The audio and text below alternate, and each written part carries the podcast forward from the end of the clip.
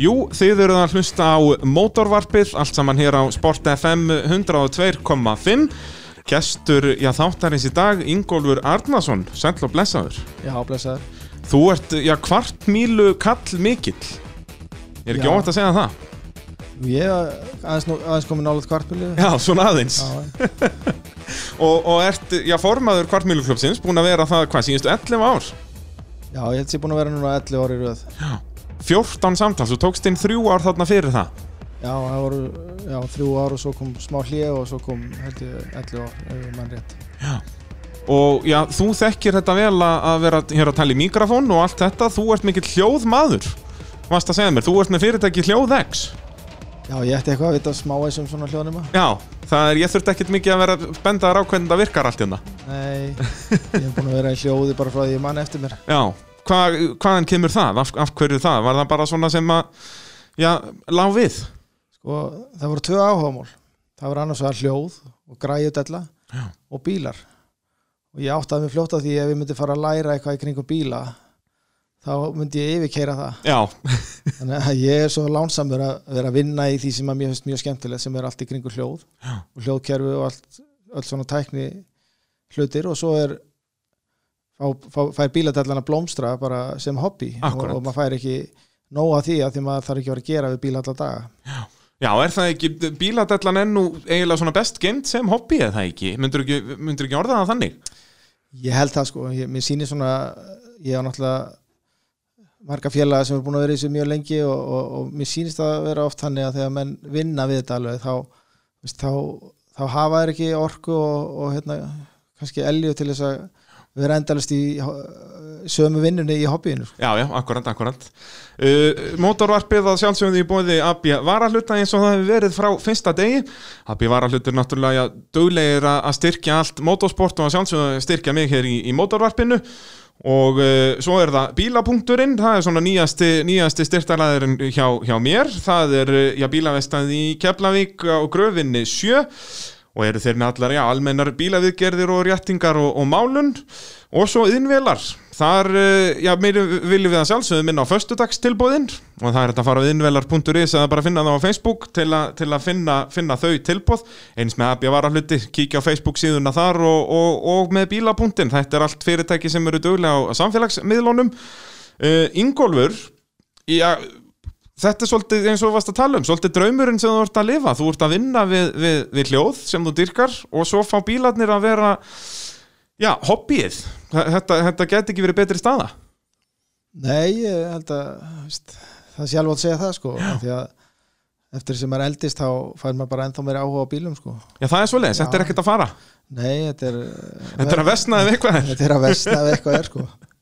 og, og af hverju bílar, af hverju byrjar í þessu er þetta eitthvað, var þetta eitthvað í kringum fjölskylduna hjá þér eða, eða já, hvernig, hvernig byrjar með þessa bíladellu Ég veit hann ekki alveg, já, allir ég, ég svona er hefin öllu sem er með orku og, og fyrir hratt og, og, það allt saman en, en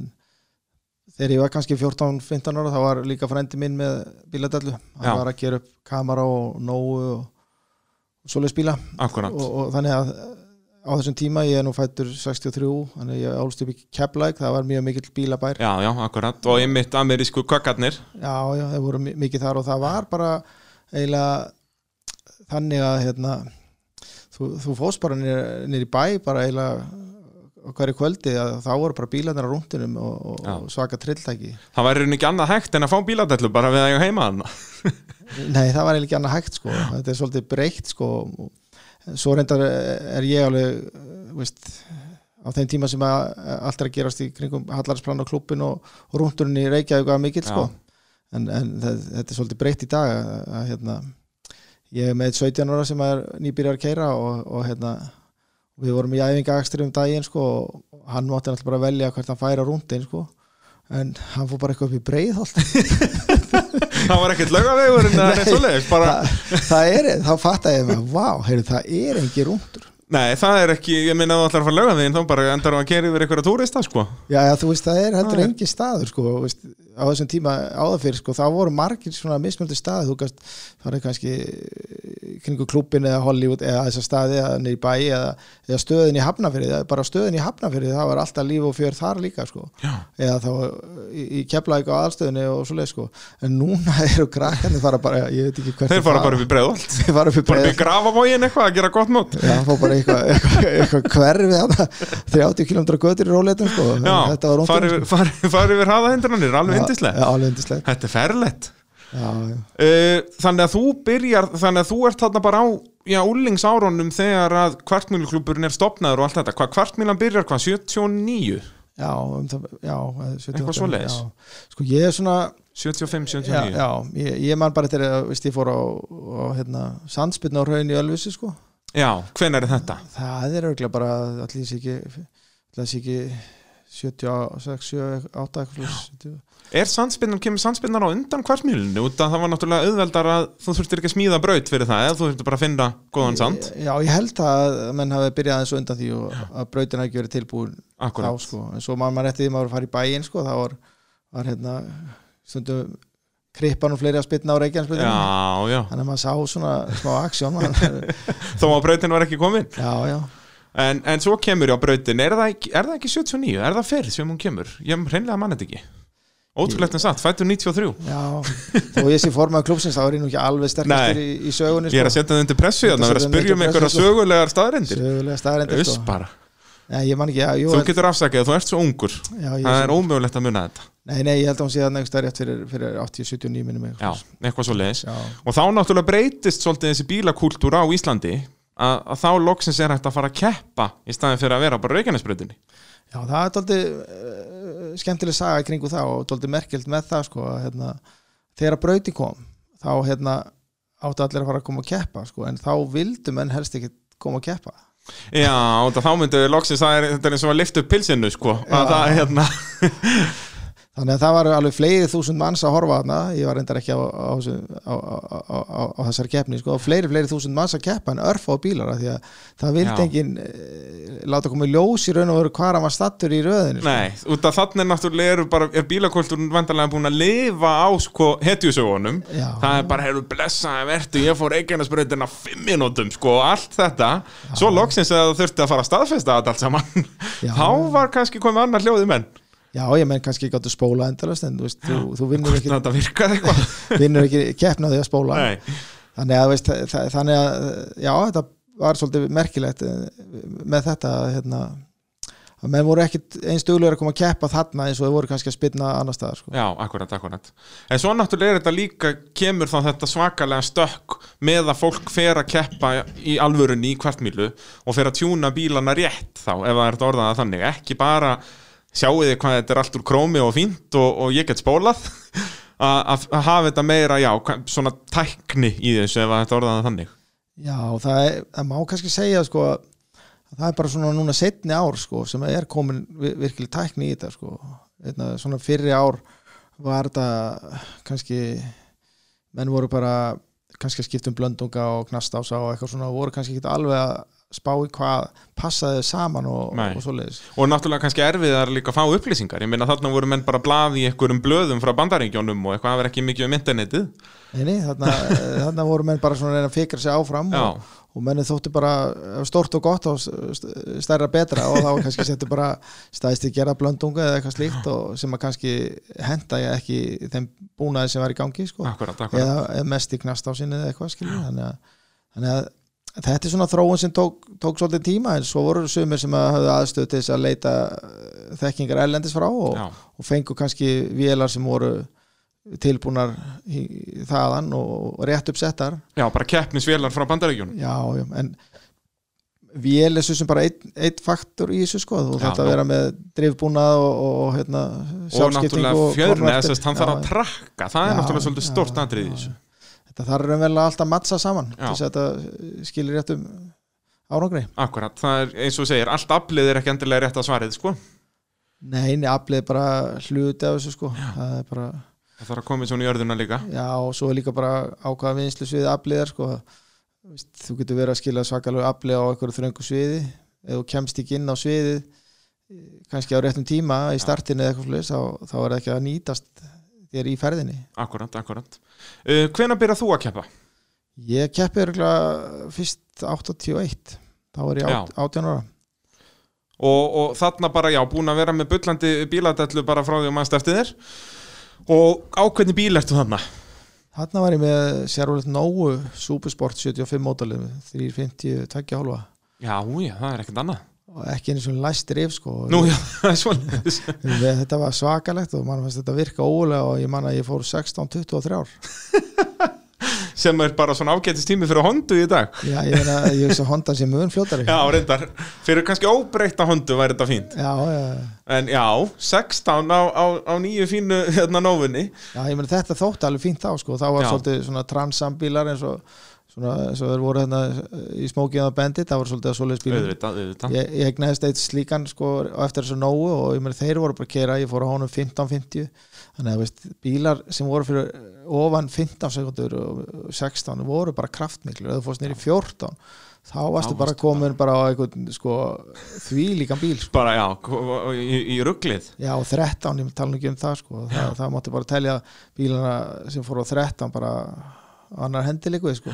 Hvernig voru, sem sagt, hvaða bílu mannstu mest eftir á þessum fyrstu árum þínum sem voru svona ofur bílarnir þá?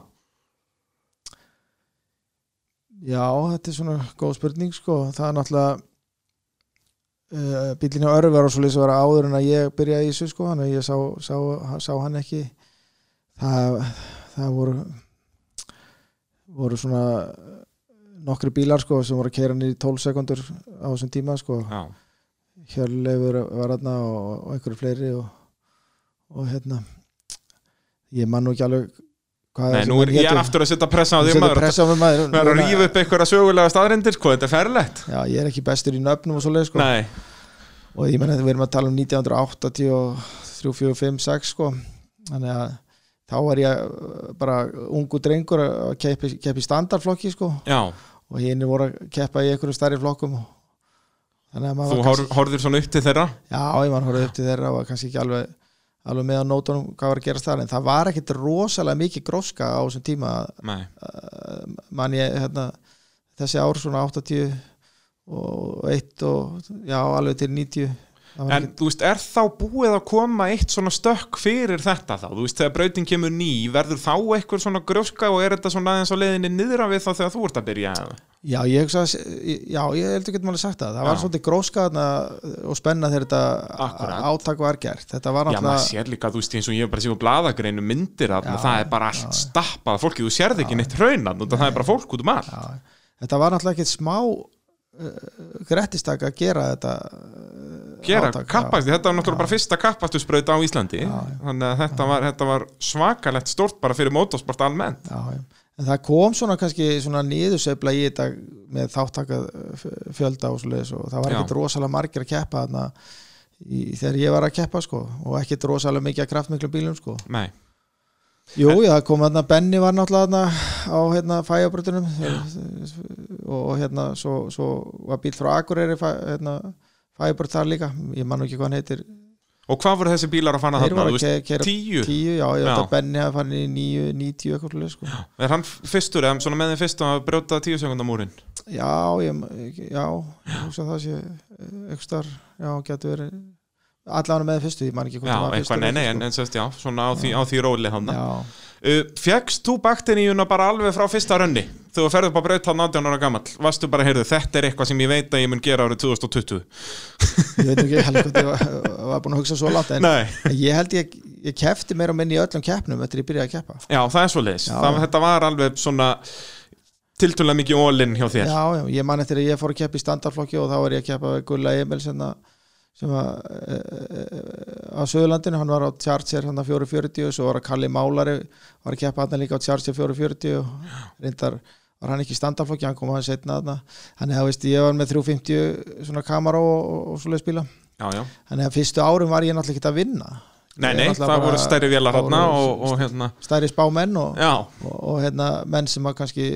voru frá upp, upphafi félagsins sko, svo komu svona bílar annars lagi svona í einu og annan keppni sko og já, ég held að sko þessu að fyrsta árin, svo fara að koma bílar sem eru ennþá í gangi setna eins og hérna Pintóin sem að leifur er á sem að Gilvi Púsmann var með hérna akkurat og, og það voru smíðaði bílar hérna líka svo Mustangin já, hérna, hérna Jón Trausta hann sem að var notaður hans og var prósmíðað bíl á en, en fór aldrei inn að ferði það, það hafa Já, það kom- er svo leis það hafa- það hafa komið bílar til landsins hérna og verið til bílar hérna sem hafa raunverulega aldrei verið Svona- notaðir hérna. Já, allan ekkert anninu viti Nei, og þeir hafa með þess að sumi farið erlendis aftur á þess að hafa verið notaðir Já, svo leis, bara hafa ekki snert brautina og bara ekkert gert með Já, Já, það er svo leis, ég vissi það nú ekki nei, það er menn sko, það er menn still, stilla bógan stundu svolítið hátt Já. og ég meina á þessum tíma þegar menn voru kannski að, að, að hérna, taka inn vélar og, og t- fóru alveg í- eins langt og hægt var sko, þú veist, þá, þá gafst þú ekki þú þurftur að skipta um vendlagorma bara eftir hverja ferðleiku Já, og menn kannski voru ekkit alveg átt að segja á þessu nei, átt að segja á því, þú veist að rekstrakostnaðurinn yfir eitt sumar verði jafn mikið og ein vél Já, og Þú líka bara, þú veist, ég minna, já, þetta voru svona hlutir sem voru í gangi líka, sko, þannig að þess vegna voru þessi tæki ekkert að komast marga ferðir eða, eða kannski enga ferðir eða hálf, komast bara hálfa ferðir eða eitthvað skilur Náða aðeins að þennja hann inn í skúr og, og svo fóru vendlakormar Já, eða eitthvað að koma þetta upp yfir og tóku svona uh, smá starti eða eitthvað skilur og, og, og svo bilaði þetta Minna, það var alveg þannig líka sjá, hjá, sjálfum með þegar ég byrjaði hérna að tjúna þetta ég veist, var með kamera og sem ég flutti inn hérna, hvað, 70 mótel og með LS6 svona 4, 4, 460 hestafla vél og svo var náttúrulega að fara að tjúna og, og hérna og það var náttúrulega bara kefti stæðst, stæðst í knast á sinni í hillunni sko og þetta þurfti náttúrulega að vinna svakalega Já, já. og, en það var ekkit alveg verið að spá í það maður þurfti kannski að taka úr stimplónu fyrir vendlónum sko Já, svo leis, þannig að það var aðeins að þeir náða aðeins að nært í þá Já, sko, svo, svo náttúrulega veist, maður var ekkert með eitthvað svona revlimiter sem stoppaði snúningin á vélni eða Nei, svona, já, það var svoleiðis, ekki já, komið svona þetta var fínn bara búnaður snúið þá, sko. upp í. og svo náttúrulega var farið út, út að kera ég mann þetta, ég er búin að setja hennar flotta ásí með að bílinn vann alveg svakalega maður og hann vann rosalega eina ferð, sko, þetta var sjálfsögum misti hann aðeins upp í, upp í hérna, Yfir snúning, bara já, aðeins og, að setja á. og náða að begla alla vendanlega Já. pínu lítið bara, sko, ekkert mikið En allir beiglaðir Já, ég meina smá beglaðir, þannig að hann vann ekki alveg eins vel í næstu ferð og eftir, sko Nei, en þá var náttúrulega bara að fara heim og hérna og allt rifið af maður og svo var bara tekið ventill og, og annar og, og, og, og sótt pansarablað maður og, og, og, og svo var bara svoði pansarablað á, á ventlana og svo- svo var bara að fara og, og hérna lesið sér til og, og sett bara ventill í hettin og, og borvelin nonni í stimplana maður og svo var bara tekið úr stimplana maður ætlaði ekki að láta negla sér á þessu aftur að, nei, nei, blessaða vertu og þá er þessu bara kift í liðin þessu var bara kift í lífi Já, já, já, það, það þarf engin sérstök verkfæri í svona laga, það er bara borvilin gamla góða og, og redda þessu Já, ég bara pansarblað Já. og svo bara passa að fara ekki á langt niður sko. svo bara tekið úr stimplinum Getur ekki klikkað? Nei, nei, þetta er svo sem bara mann læriði mjög mikið á þessum tíma Já. veistu, að- það, það er nú svona með mig sko, hérna, ég ger ekkert nema ég viti hvað ég er að gera ég verð að vita alveg hvað ég er að gera Já, þú ert ekki svona gæinn sem að hoppar í eitthvað bara svona og ætlar að læra á mistökunum Nei, sko, ég, er- ég læriði rafendavirkjum sko, og- Já, og eitt af því sem hún læri þegar hún fer í einskóla eða rafendverkin allavega það. ef þú veist ekki og getur ekki staðsett bílanir eða hvað sem þú ert að gera gerðu ekkert sko. já, Já, Ah. já þannig að veistu, sem er mjög góðu punktur já, ég meina, veistu, ekki fara að gera við eitthvað sem er ekki bilað sko. Nei. eða Eða ef reyna þú að veist laga ekki hvað eitthvað- er bilað, Já, skilur það, já, það, það já. meikar mjög mikinn sens Já, þannig að veist, ég liði frekar illa ef ég veit ekki alveg nákvæmlega af hverju hluturinn er eins og hann er sko. Og þarna náttúrulega, í, á þessum tími kvartmýlunni lítur þetta að verið mikil svona spámennska og það, sko, það er þannig enn þann dag í dag, þó að við séum með allt internetið og allar upplýsingarnar og allt þetta, þá er þetta samt svona, og bara í motorsporti almennt, sko, svona, já, mikil spámennska eða, eða ef það er hægt að orða það þannig. Þarna fyrstu dagana lítur þetta að verið alveg upp í 11 bara með að, nei, nei, þú verður að hafa þetta svona, sko, þú ert aldrei eftir að geta neitt, nei, nei, nei, nei, nei. Var þetta ekki svolítið þannig stemmingi í þessu, eða? Jó, ég meina, þetta var rosa stemming í sem að við vorum hérna hann að nokkru dellu kattar alltaf maður, hittust upp í hádeginu maður og, og hérna veist, fá okkur að borða og þá var alveg farið yfir þetta alla leið maður og, og, og hérna og þetta er bara svona og þetta er skrifað í stein þetta er nákvæmlega svona og allir vissu allt já sko, við fórum alltaf í stæsta sko, í, Já. Íslendingurinn er þannig það er enda góða punktur sko, það dæmi gerur Íslendingur er það sko og, og það, það, það sam og við gerum alltaf hérna á Íslandi í kvartmjölu held ég bara í, í flest öllu sko við erum með eitthvað bíl sko og það er þetta í bílinum sko og ég er nú búin að sjá eitthvað bílan í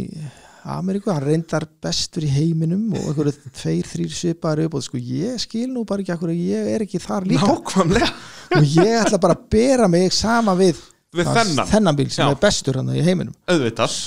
já, það er bara við erum svolítið þannig Já, við, já, þó að sábíl kostar 50 miljónir en samt, þetta er bílinn sem ég ætla að keppa við sko. já, já, ég meina þetta er svona í- Já, já, ég, ég alveg, veit alveg hvað þú ert að tala um hann sko. þannig að svo, svo er náttúrulega veist, er þetta svolítið bratt fyrir all fyrir að menna að reyna að klífa Já. menn verða svolítið fúlir að þetta virkar eiginlega ekki neitt sko Já, þetta er alveg, ég er að tapa mörgum sekundum á hann hann sem er bestan í heimi, Já. sko, ég bara skil þetta ekki Nei, og samt er ég með turbinnar sem hann er með og ég er með sömustara vél og svipað þunga bíl, ég meina hvað hva er í gangi? Hvað er í gangi? gangi? kannski er það því að hann er að það kannski 250 daga á ári hérna. en að Já, að vinna í ég þessu vinna í þessu sko Bara Ég- að markvist Já, ég fer kannski í skúrin kannski, kannski einu sinni í viku já, til, til að fá mér tvo bjóra Já, eða á brautina til þess að hérna, prófa kannski eh, 5% af því sem hann prófar Já. Þú veist, maður er alveg búin að læra það ef þú ætlar að ná árangri í, hérna,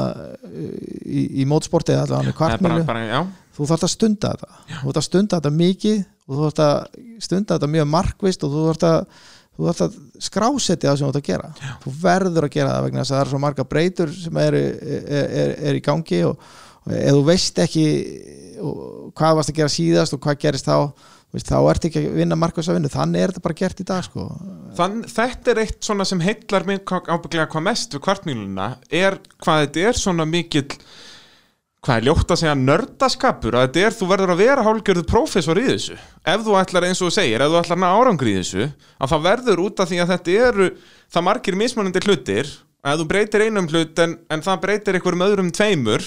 að þá verður að heyrðu neði, já ok, þá ætla ég að fara tilbaka með þetta og, og þetta eru bara endalist próf í Já, rauninni já, þetta er endalans próf sko ma- það má kannski segja þú veist, það sé að vera svona smá hann ætla búið að þróun ellendis uh, í, í þessi 20 ár kannski má segja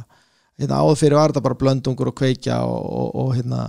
einhvers konar kveikja sem hún gast, við erum með svona mismöndi reflimitera sem uh, til að gera eða kveikju senkun eitthvað svona með pillum, þetta voru pillur og svona Akkúrat. dót sko, en eftir að svona tölvutækning kemur inn í þetta og þetta kannski má segja bara, þetta sést best af því að Amerika, ameríski bílar koma aldrei með turbinur Nei, nei, það gáti ekki verið með turbinu, það var transa með það turbo, manni, 79 og hann virkaði náttúrulega ekki neitt nei, nei. það er engin tölva þess að það Nei, er ég meina, þú veist, turbo virkar en það virkaði ekki á kanarm það, það er ekki finnir svona á þessar öld sem að þið fara að ná tökum á þessu og í dag er þið náttúrulega búin að ná gríðarlegu tökum á þessu og, og það er ekkit bara með turbo það er bara nýtró líka á að fyrir var ekkit svona með nýtró eða, þú veist, menn voru bara jú, jú, menn hafa verið að lesa kerti Já, uh, menn veit ekki, þú veist ég er bara nýbyrjar að læra að lesa kerti sko. ég lærði að lesa kerti eiginlega bara í fyrra já það er svo leis Já, já, ég er búin að spá mikið í þetta að lesa kerti að því að menn segja alltaf við mig þú eru að lesa kertin Já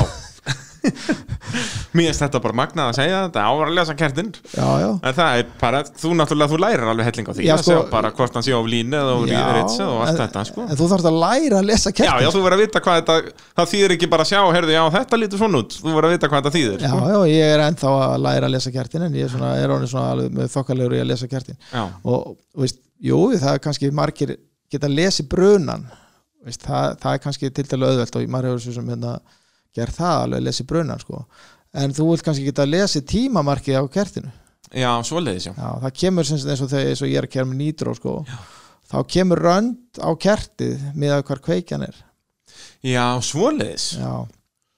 já, Þá er hann ertu komin eitthvað út fyrir það sem ég skild sko. já, ég er að segja þess að segja ég þurfti að læra að lesa kertið Já, Lesa. já, hérna, af akkurat því að ef ég fer á langt með kveikjuna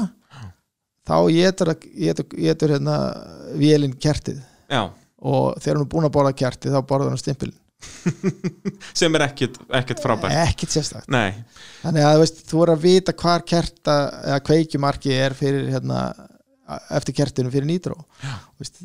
þetta er bara svona eins og ég var að segja, ég verð að vita hvað ég er að gera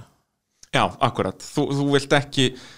vera að lesa kertið eða hvað það er og, og vera, heyrðu, ég bara veit ekkert hvað þetta þýðir Eh, ég vil ekki horfa á kertið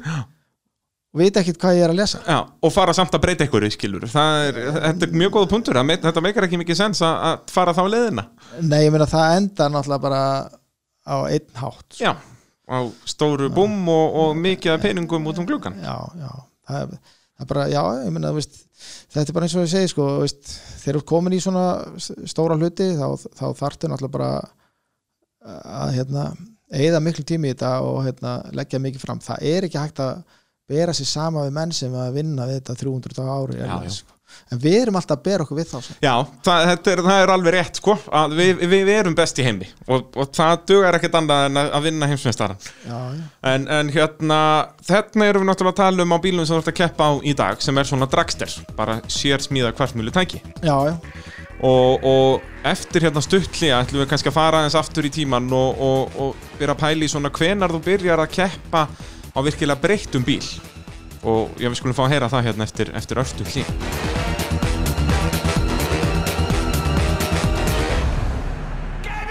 Jú, þið eru að hlusta á motorvarpið allt saman hér á Sport FM uh, Gestur þáttanins í dag, Ingólfur Arnarsson uh, Kvart Mílu Kall með meiru og já, við vorum svona að tala kannski bara um kvartmjöluna almennt og hvernig þetta byrjaði hérna á Íslandi já, fyrir hlýja Nú ætlum við svona að færa okkur aftur yfir, yfir til þín og, og, og já, kannski byrja á kamarónum sem við myndumst á hérna áðan sem var, já, svona frækt tæki Já, ég, þessi kamerá sem ég byrjaði með þarna, ég held ég að það hafi verið sko 1980 og uh, ætlaði að gera 87 eða eitthvað 67 þá var ég að flytja svolítið inn á bílum frá Ameríku þá, Já. þá, þá var blómaskeið bílainflutningsins frá Ameríku og ég hérna, fór nok- marga ferðir og flutti inn mikið af bílum Já, ok og þá hérna, Þá fyrir kvartmjölu eða bara almennt? nei bara almennt þá var ég bara að flytja inn bara bíla fyrir fólk og, og Já, svoleiðis, já, bara Já. svona eiginlega að vinna við þetta eða svona, já, já, þetta var svona svona auka auka hobby, ég, Akkurat. af því ég var bíladællu kall sko Auðvitað Jú, ég kefti nokkra einhverja korvettur sem Já. komið inn og alls konar kamera og dót sem að komið inn F- Fyrst maður byrjar að flytja þetta inn að þá erum við að gera, næ, næla sér í nokkra Já, já. Þa, þa, þá var ég hérna, sem sagt var ekki með neitt bíl og, og hérna vildi endilega fá eitthvað bíl til þess að keppa þess að félaga mína sem að, ég nefndi þarna á þann eins og Kalla og Akkurat. hérna, og hérna Þannig ertu búin að vera bara í sem sagt, óbreyttafloknum í rauninni eða já, svona, ég var senda, reyndar aðeins og undan þessu var ég með setta 28 kamar og svo virkaði nú uh, nokkuð vel ég, Ok. man, ég man ekki hvort ég getur vel hefur verið Íslandsmeistari þegar ég var komið með hann á sínum tíma hann var að kera 13-40 Já. eitthvað standarflokki en svo kaupið hennar Camaro í Atlanta þetta var hérna eh, mjög flottur svartur Camaro gullrendur, 70 mótel og með LS 7 vél sko. já, já, LS 7 vél er eiginlega vél sem kom eiginlega aldrei í neinum bílum sko. hún var Já, bara sem keppnisvél Já, basically hún bara. var bara sverasta vélinn sem að hérna, sem sagt, eh, kannski kom hún í einhverjum sévelum eða það var mest LS6 vélar í, í, Já. í því og, og, og, og einhverjum eh, held ekki korvetum sko. en, en, en, en svona vél var búið að setja þarna í eina kamara og, og, og, var Og fjör, sérst, kaupir þennan bíl sem keppnisbíl Nei, þetta er bara svona gödutrilltæki Bara- bara sko. götutrilltæki, Já, ok. já, já, Þannig að hérna, það, það það byrjaði sem gödut- gödut- gödutrilltæki og hann var hérna, fjörakera beinskiptur og ég flytt hann bara heim og, og hérna, og hann virkaði strax mjög vel og hérna, fór, fór hvað lágar 12 á gödutækjum sem þótti alveg Já. rosalega mikið, mikið þá og hérna hraðar heldur en flestir á þessum tíma sem voru hérna á göttunni ég breyti þessu bíl svo smá saman í sem sagt bara í kvartmjölbíl og, Já. og, og hérna setti í hann veltibúr og, og hérna og tilherandi og, og sjálfskiptingu og, og stóran ás sem ég sagði frá aðan Akkúrat, akkúrat. og, og, og, og ég fór á þessum bíl alveg neyri í 10, 8, 10 eitthvað slags Já. og nýtralaust sko sem var mjög Já. gott og, og var að keppi keppa á honum í sama flokk og ég er að keppa í dag í raun og veru Já, bara OF-flokkur Já, í raun og veru, já, ég var ekki hvort að hétt eitthvað aðeins öðru sér Nei, þá En sem sagt en, bara, en þetta var svona indexflokkur sem sagt var að keppa í honum þar og, og vann meðal annars keppnir á honum í- sem slíkum sko Já. þannig að ég var á þessum bíl hérna til kannski 91 og þá svona þá seldi ég hann akkurat og þá tek ég svona hljéðna 92-3 alveg svona í næstu tíu ár sko, ég flutti norður og eitthvað svona og Nú, var svo hérna var hérna bara, þú veist, hvernig þetta er þegar maður er að koma upp húsi og Jú, jú, það þarf stundum að gera það sko fjölskyldan tekur tíma og allt Já. tapar eins og, eins og gengur mjög oft hjá mönnum en byrjar svona ungir og svo fer krafturinn í þetta, svo byrjar þetta aftur, aftur sko. Akkurat, akkurat Og, og hérna Sérst að við förum kannski eftir aðeins yfir kamaróin Þú talar um að þú breyttir honum sérst úr götu bíl í kappakstusbíl Já, Var það bara svo einfalt að senda veltubúr í hann eða, eða fóstu í eitthvað svona ítarlegar breytingar? já, ég breytti mér sko. leið og uh, sem sagt þetta er oft hann eins og ég segi sko að hérna, þegar þú gengur ákveð langt með bíl, þegar maður er búin að setja tekja að gera skiptingu og, og lausan konvertir sko og slikka og opið púst og svona, þá endar þetta á vagni Já, þannig að þú veist, þetta er svona fín lína þarna á milli sko já, hvað hva telst sem göttubíl og, Já, og hvað sem er keppmistæki? já, ég á náttúrulega 2005 Twin Turbo Corvette sko, Jep. sem, er, hérna, Gekkið hvað er sem, þetta? er, sem er einhver uh, annan þúsund hestum sko, Já. og það er alltaf að vera að segja við mig akkur setur ekki veltibúr í bílinn ég segi alltaf þá endar hún á vagni Þá geti ég ekki farið út í ísbúð Nei, þú veist, þá nenni ég ekki að keira hann lengur Nei, Þú veist, ef hann er næstu því samt, samt orðið þannig nenni ekki að keira hann Eh, en, en, en sem sagt, þessi Camaro er svona fyrsti bílinn sem ég geri svona, svona, svona Já. flottum keppnisbíl og, hérna, Akkúrat. og, og var hann að gera mjög góða hluti á- á á þessum bíl sko. svo, svo fór vélinn úr honum í hérna, torfara bíl sem gerði eh, svona hvað má segja, hún gerði svona gar, gerði garðin fræga Já, hún gerir Það er svona ekki. byltingu í, í torfarinu, þetta var svona fyrsta vélin sem að uh, f- fór að vinna rosalega torfarubíl sko. Já, það er Átni Grand, er það ekki Já, sem að þetta fer í Jeepsterin þar sem Já, að síðan já. verður Jeepsterin að skýsla G og, já, já. og það svona setti torfærun á herranplan ef við ætlum að, að fara að tala um torfæru Já, að það hérna, þá ítti það Átna Kópsi að gera slíkt þið sama og, og núna er þetta eins og, já við vitum að þetta er allt einhver þúsund hestöfl Já, já. og sennilega svona þrjú þúsund torfæru hestöfl algjörlega en við erum að tala um kvartmílu já. Uh, Þú kemur aftur þá hvað, eitthvað hann í kringum aldamótin já, sko, þ- einhvern tíðan svona já, alltaf það sé ekki svona kri- fyrir aldamóti þá hérna eignast ég dragsterinn hérna sem að var s- fyrsti dragsterinn sem var smiðar á Íslandi sem, Já. að, sem að var hérna gamli Pepsi dragsterinn eða Akkurat, sem akkurat Valur Vível smíðaði og hérna og hérna já, Óli Pétus var á og, og átti brautamöndi á þá fer ég að byrja að keppa aftur og á þeim tíma var Kristján Skjóldal hérna, sem sagt, að að keppa og var s- svolítið sver í þessu og hérna og, og, og hérna var með svona grind og ég man ekki hverju voru fleiri ég man bara sérstaklega vel eftir Kristjána því að hann er Hvað þarna mikill og skemmtilegu keppnismæður það er, er mjög gaman að honum Það er rosalega gaman á hann og ég man alltaf eftir því að þegar ég kom upp yfir og, og hérna, þá var 515 kubika big block hjá, hjá mér sko og hérna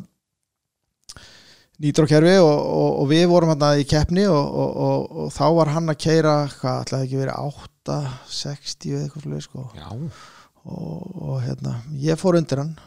og við Ok. vorum að setja brauta með til skiptis hérna í dag það er svo leis, Já. bara rönn eftir rönn Já, við settum, þarna, settum brautamett sem endaði hjá mér í, í, átta, nei, í, í 7.83 Já, eitthvað já Eitthvað sem byrjaði hvað, í 8-6 um morgunum? Já, það, það var átt, já, 8.50-60 sko. Getur verið að það hafi gerst á tveim keppnum, getur verið að fyr, Já, eitthvað svo leis fyrri keppnin hafa brautamett endaði í 8.20 eitthvað svo Já. og svo í næstu keppnu á eftir þá hérna, Komið, eitthvað velinn í sjösekundunum já, fór inn í 7.80 sko. Og þetta ár uh, var hann svona helst að keppa á móti mér, ég man ekki hvort að hverja voru fleira, voru einhverju fleira þarna en, en þá var Er Ísla, Íslandsmeistari á, á þessum bíl hérna á þessum tíma sko. Þetta er þannig valur hættur hérna á silfraða hérna dragstefnum Er það ekki sem hann er á 97-8 eitthvað svo leis? Jú, hann var reynda með, hann var í einhverjum af þessum keppnum á þessum tímabili sem ég var hérna með bláa dragstærin fyrsta árun sko, þá var hann líka á einhverjum svona dragstæri líka sem að, með 360 blásara eitthvað svoleiðis, sem Já. var- var ekkit sérstaklega kraftmikill var að keira nýju eitthvað svolítið sko. Akkurat, akkurat þannig að, hérna, þannig að þegar ég tek hennar bláa bíl hérna, þá set ég bara í raunverulega bæti ég bara brautamöti helling og, og hérna, eh, Setur þetta svolítið bara á herra plan já, þú veist ég meina þetta stóð alveg í mörg ár hann til að Þórður hérna, fiskali kom með hérna, eh, eh, hann kefti dragstæð sem að hétt Hemihöndir sko, sem var Akkúrat, sandspinnu, sandspinnu dragstæð sko. og hann fór hérna eina ferð þá á honum upp á braut eða, eða tvær kannski hann fór nýr í 699 eitthvað svoleiðis, Já. 198 mílum en það náttúrulega var bíl sem var sko, með hérna, alkohol og blásara Já, já, keflafólksleipi bara... bara í einhverjum allt annari deild skilur þannig að hérna, já, þannig að það man ekki alveg nákvæmlega hvað ár þetta var en Nei, nei, en þetta er hvað, svona eitthvað upp úr 2000 ég held að hann hafa komið svona 2004 Já. eitthvað svoleiðis. ég hef búin að vera hann í nokkur ár svona Og þannig ertu, verður þú fyrst formaður, en það er ekki klúpsins Jó, að þessum tímabili var ég formaður sko það sem að hérna Hvað, af hverju, hvernig gerðist það? Af hverju hafður áhuga á því? ég mynd, við vildum bara fara í að laga svæðið Já, er það þarna þá eiginlega bara er ekkert búið að gera síðan það var smíðað eða? Nei, ekki neitt sko, Nei, sko þarna, sko, þ- þetta er ótrúlega sko við vorum að, að að keppa þarna og, og lágum bara í, í dröllunni það er svo eða í, eða, eða svona, þú veist, í svona hraun Já, var ekki, var ekki malbyggar Nei, nei, byttur nei, þarna? það var ekki malbyggaðu pittur Nei, Þú- þú já, það er fórst- svoleiðis Þú fórst á hérna, Malavi uppbyttir og svo varstu Já, ég maður þetta eftir því, sko En ég held að nú allavega að það var malbyggar byttur Nei, nei, nei, það var, þú var lást bara þarna í sandir Úi, bara stað eða bara svona eins og götin úr í galda Já, já, og ég bara meina, svona svo, svo varst að spytna út brautina og það var bara klettur hægra megin sko. Já, já Já, ég man alltaf eftir þessu þegar þau voru að hossast tilbaka inn í pitt, sko Þú veist, þegar ég er að mæta fyrstu kvartmýluketina mínar, sko Og þegar það var ennþá bara mölin, ég fattaði þetta aldrei, sko nei, Vera, Það er nú ekki mikið um fjöðrun í þessu nei, Allavega ekki til að gera á íslensku malavegum nei. þannig að við, við, við, við fórum í að slétt allt svæði sko. Já, gera örugt og, og hérna, það var svona fyrsta verkefni sem við gerum hana þannig að það er nú svona sem dró, dró mig í þetta og bara Já. svona að reyna, reyna að koma þessu þú veist, á svona herri level sko. akkurat, akkurat S- svo tók ég með þetta hlið og svo, svo, svo setna tók við aftur bláa dragsterinn fram sko mm. og þá hérna setti ég stráki minn á hann, hann Örn og hann kæfti á honum hann í, í þrjú ár, ég held að hann hafi verið Íslandsmeistari í tvö ár Já, og hérna svo tapaði hann svo var gert hlið og svo er það bara þessi hérna sem sagt, eh, blái aftur núna ég tók hann aftur fram 2017 held ég eitthvað svoleiðis. já 16 jafnvel 16, já, getur verið sko Geti verið, já, eitthvað svo leiðis allavega Já, en sko þá var náttúrulega komið svolítið þróun og menn voru orðnir Já. betri Greta Franks var hann búin að standa sig vel og, og hérna og er búin að eiga þetta þannig í nokkur ár og hérna þannig að sko þessi OF-flokkur er þannig uppbyggður að þú þart að, að sem sagt, þú færi ákveðin svona viðmiðna tíma sem er miðað við orku sem þú þart að geta skila miðað við vélastær og þyngd já, og þetta er svona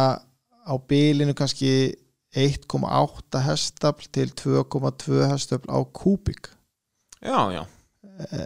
þetta er svona tabla sem færist vegna þess að það er auðveldara að búa til meir orku minni vél já. þannig að þú veist, þetta er svona leiðiréttinga tabla sko en þú veist, eh, þegar út fann að vera með kannski venjulega, ég var með svona 5.15 bara svona mótor sem að var smíðaður kannski 1992 eða eitthvað sem var alveg mjög flott á sko og þetta er, þetta er sem sagt mótorun sem var í jaxlin Já, akkurat, Þannig að það þá- var nú hérna þá eru 78 dragsterinn sem ég skipti við hana á Thunderbird sem ég átti Já, svoleiðis, já, þegar hann var að fara í nám hérna, til Evrópu, eitthvað meira nám sko. þannig að hann á hann í dag núna aftur Akkurat, Hann er akkurat. blá. Sá, sá- sá það á, á Facebookinu að hann Já. er að gera gott mót þarna já, já. þannig að veist, ég eignast hann í, í þennan tíma ásleis og, og, og hérna en það sem ég átta mig á þegar ég byrjaði aftur 2016 sko að- að að- að ég erði bara að fara í betri velbúna heldur en þessa vél sem ég var með Já, þá hún var bara ekki að standast lengur hérna. ég þur- þurfti að setja allt og mikið nýtró inn á hana til þess að hérna, komast niður í kennitíman en ég átti náttúrulega samt bestu tímana 5, nei 4.50 og eitthvað sko, 4.56 sko það er enginn sem bæti það af sem, og, sem hafa verið að keppa nema bara ég aftur núna þegar ég komið svarta sko já, Ein- eini bílinn sem var með betri einn áttan tíma það var held ég einhver topp alkohol, einhver bíl sem Þórður kom með að fóra einu sem já, eitthvað 446 eitthvað svolítið sko, eina ferð eitthvað svolítið sko en hann kefti þessu sem aldrei eða neitt slíkt sko Nei, þannig að ég, ég, ég sem sagt ákvaða að skipta um vél þegar ég var með bláa dragsterinn og svo þegar ég áttaði maður hvað, hvernig vél ég var búin að fá mér þá var ekkert viti að setja það í bláa bíl nei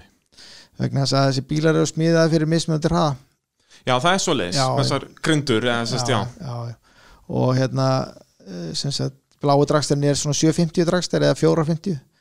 já, já, þetta er bara sett í svona klassa basically bara, þessi grind, já, hún á að fara þessa tíma eða svona, já, já, já, það, það er bara mismunandi málmar og, og, og, og hérna, hvernig hún er bara öll struktúru sko, Já, fyrir bara mismunandi uppsett. hraða sko akkurat þannig að þú veist, það, þú veist maður, ég áttaði mig bara almennilega á þessu þegar ég fekk hinn bílinn sko. hann er prófsmíðar og ótekinn fyrir 6 sekundur og hérna, út tekin fyrir 6 sekundur, Hva, hvað minnarum með því bara að það sé svona hann bara semst, eru þeir að vinna með svoleiði standarda bara úti þá já, já, ég meina að hann er certified fyrir 6 sekundur já, sem sagt, það er bara að þá NHRA í Ameríku akkurat sem að hérna, sem að certifæra hann bara að það sé hvað, að það sé þá bara í lægi að fara á honum já já, og ástæðan fyrir að hann er ekki neðar er bara því að hann er með forling, já, fjöðurinn og aftan já. en fjöðurinn og aftan er fyrst og fremst til þess að þú lendir ekki í, í, í výlhoppi eða finnir ekki fyrir því svo mikið sem sagt, og líka að átt að bremsa og ég lendi oft í því á bláa þegar ég var að bremsa þá var kannski hoppa bara hálfa Já. metri upp í loft aftan maður Var hann alveg fjöðurinn að lausa Já, þeir- já. Það er náttúrulega dekkið, það er náttúrulega hellingsfjöðurinn Já, í já, dekkinu já, en, en hérna, já Það výhloppið getur svolítið skemmt fyrir manni já, já, já, já. Ég Uh, man- man eftir ég að strákur verið svona keppa maður, hann skildi ekki hvað hafði skeð maður þá lentum við í tægir segi sko Já, og ef þú ert ekki meina fjöðurinn og finnir ekki fyrir því sko nei, og ég meina þessi- þegar ég fór að keirina sem ég er á núna sko, þá áttar maður sér bara á því að það er ekkert hægt að bera þetta saman að nei keira þessa bíla og þá fattar maður að þá fattar maður af hverju hinn bílinn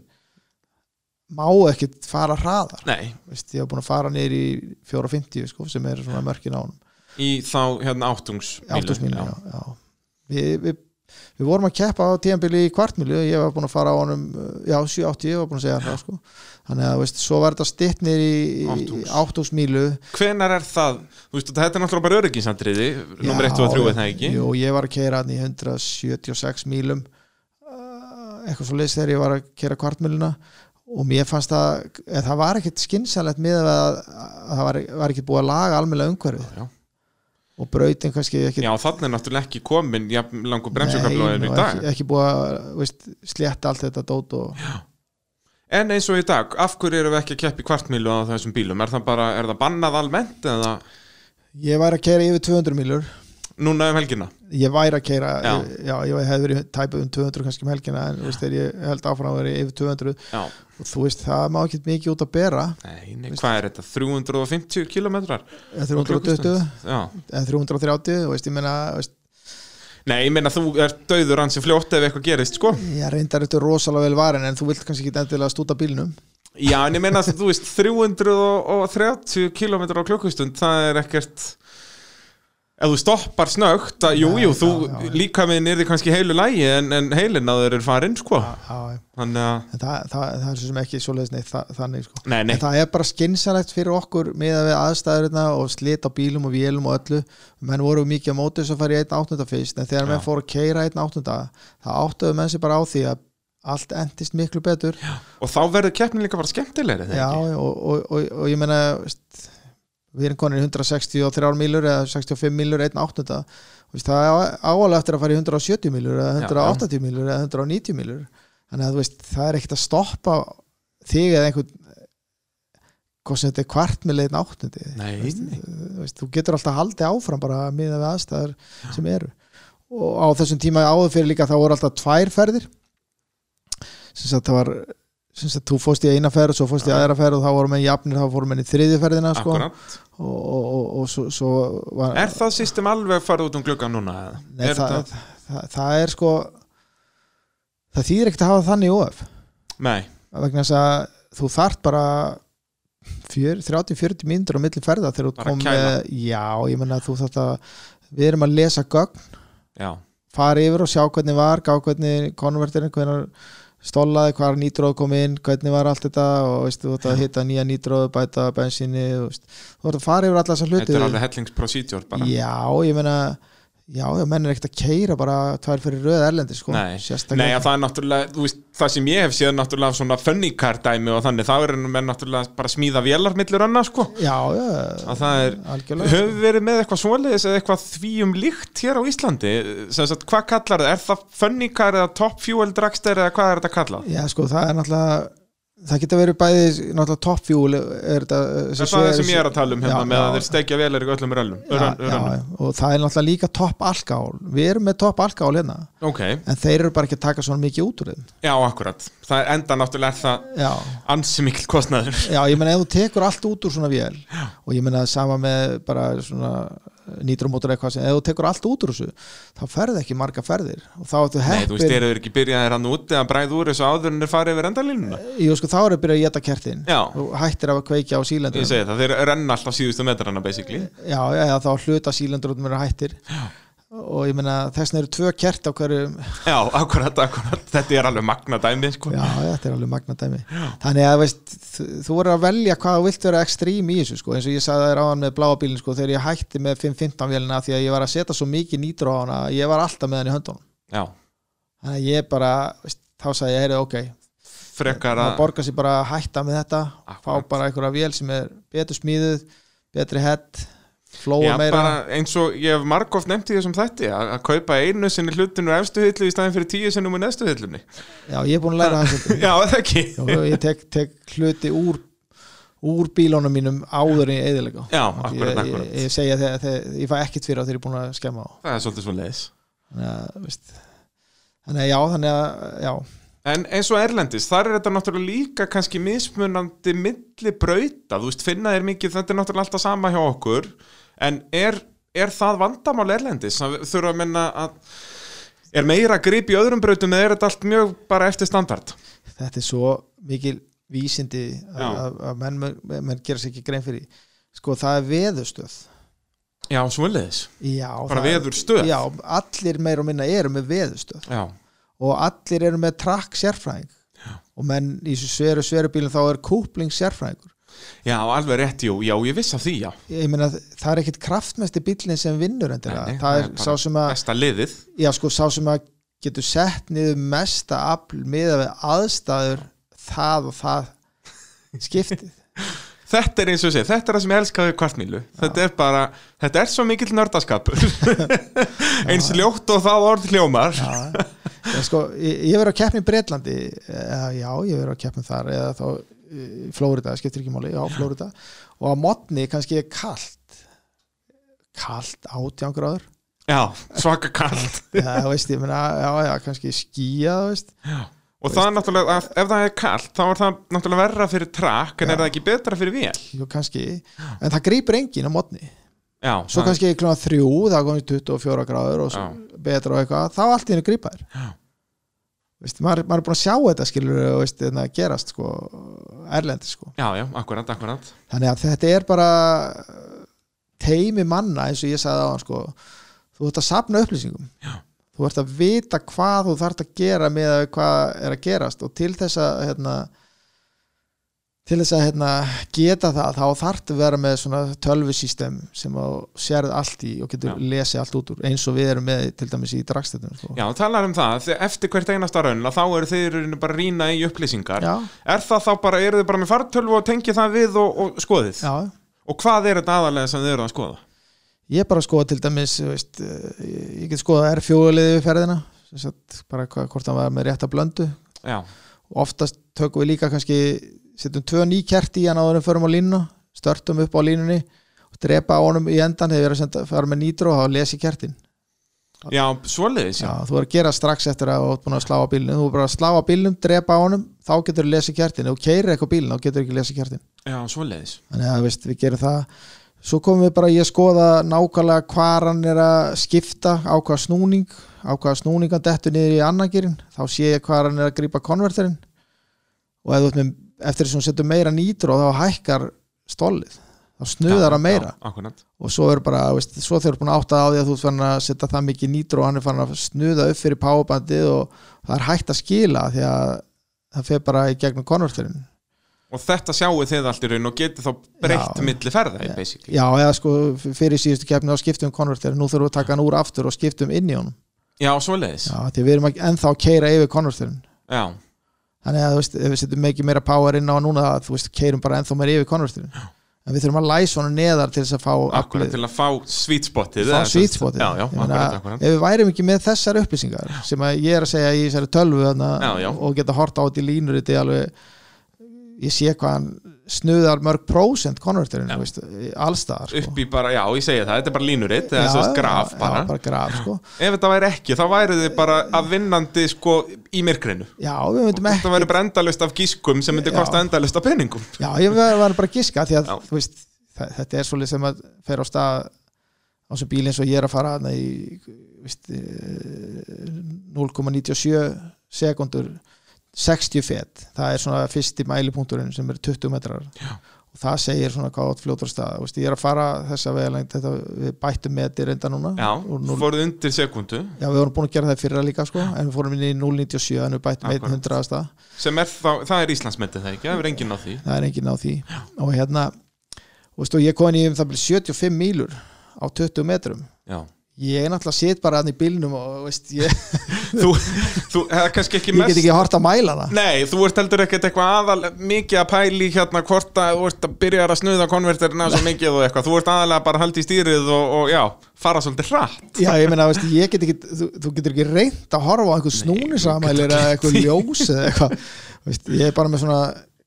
tíma klukku sem að skiptir í annagir sko. Já, akkurat svo get ég séð á líniritinu hvað hann fór í ákvað snúning fór hann í annar, annar gír skilur þá get ég Já. breytt klukkunni Akkurat, það er ekki, já, já, nákvæmlega, nákvæmlega Þetta er alveg magnað, sko þannig að veist, þetta er þetta, veist, en svo eins og ég segi, ég var ekkert með svona búna þetta áður Nei, nei, en þú, þegar þú ert ekkert með svona búna þá, þá þarft ekkert svona búna já, það er svo leis ég meina, þú veist ekkert hvað Nei, þú ert það að er Þú ert bara vinnandi bara í myrkrinu já, Það er já, bara ég svo meina, leis þú veist ekkert að þú getur unni í ljósi Nei, nei, það er Það veist ekki betur Nei, maður fattar, veist það, þetta, er- þetta er alveg magna maður, maður fattar þetta ekki fyrir maður byrjar að nota þetta sko. Já, já, það er eins og til dæmis með, við erum með svona mjög öfluga tölvu líka bara fyrir nýtróði akkurat mjög öfluga, við getum sett þrjú kerfi á við erum byrjar bara með eitt kerfi á þessu bíl eins og er sko, ég get sett þau þrjú ár ég get látið að koma inn á bara hvaða tíma bíli sem er á hvaða mörgum prósentu sem er hvena sem er skilur Já, og þetta er allt bara, eins og ég segi, miljón möguleikar miljón möguleikar sko. en þú veist menn hafa bara, ég vilt bara sett nýtróð bara á Já, já, og ég er með nýtró, það er ár Já, og hvað gerist þá? þá annarkvort spólar eða allt springur í- Já, ég menna sko þá aflagaru tækið mm. þú aflagar og rugglar bílinn af því að það kemur allt í einu bara instant, nýtró er þannig það er bara instant power sko. þú veist bara, Já, ekkert segjum lag bara, nei, Það er bara 5.500 snúning og nýtró kemur á þá er þetta bara úr 300 Komin höstaflum í 500 höstaflum Yep. á sama snúning ég meina hvort sem þú ert í torfærubíl eða alveg saman hvað hverju bíla Eh, sem er drift eða hvað það heitir sko þá er þetta eitthvað sem er óvinnveitt afl yep. þú þarf að koma þessu svona smoothly inn sko þannig að maður er búin að læra veist- læra allt þetta Allt þetta, sem sko. er náttúrulega svolítið nýr skóli og búin að vera í sko 30 ári hinnu já ég meina þegar maður maður fattaði þetta ekki, þú veist að þyrfti eitthvað svona hérna áður fyrir maður setti bara nýtróð á nákvæmlega, allir sáttir reyndar, reyndar um bláa dragstina því að það var lítil vél og svona þá var alltaf að setja á að því að það var ekki já, já, slikkar og greip og fór bara en þú veist þegar þú komið stóra vél sko þá getur ekki sett á nei, nei, akkurat, akkurat þannig að uh, við skulum fara betur yfir dragstirinn sem þú ert að keppa á núna við vorum nú að fara ansið vel yfir að núna en kannski svona almennt séð hvað er í honum eftir eh, örtulli og fara svo yfir já, keppna sem var um, um síðustu helgi fyrstu umferð Íslandsmeistaramótsins uh, það er allt hér í mótavarpinu eftir örskamastund Þið eru að hlusta á mótorvarpið allt saman hér á Sport FM Allt saman í bóði Abja Varahluta, Yðinvela og eh, Bíla.sins, eh, já bílavestæði í eh, Keflavík. Nú, eh, við erum með Ingolf eh, Arnarsson í spjalli um kvartmílu og eh, þá er komið að, já, finnstu umferðinni sem fór fram núna, hvað var hann ekki, 13. júni, jú, síðast að það lögða ekki, akkurat, og hérna,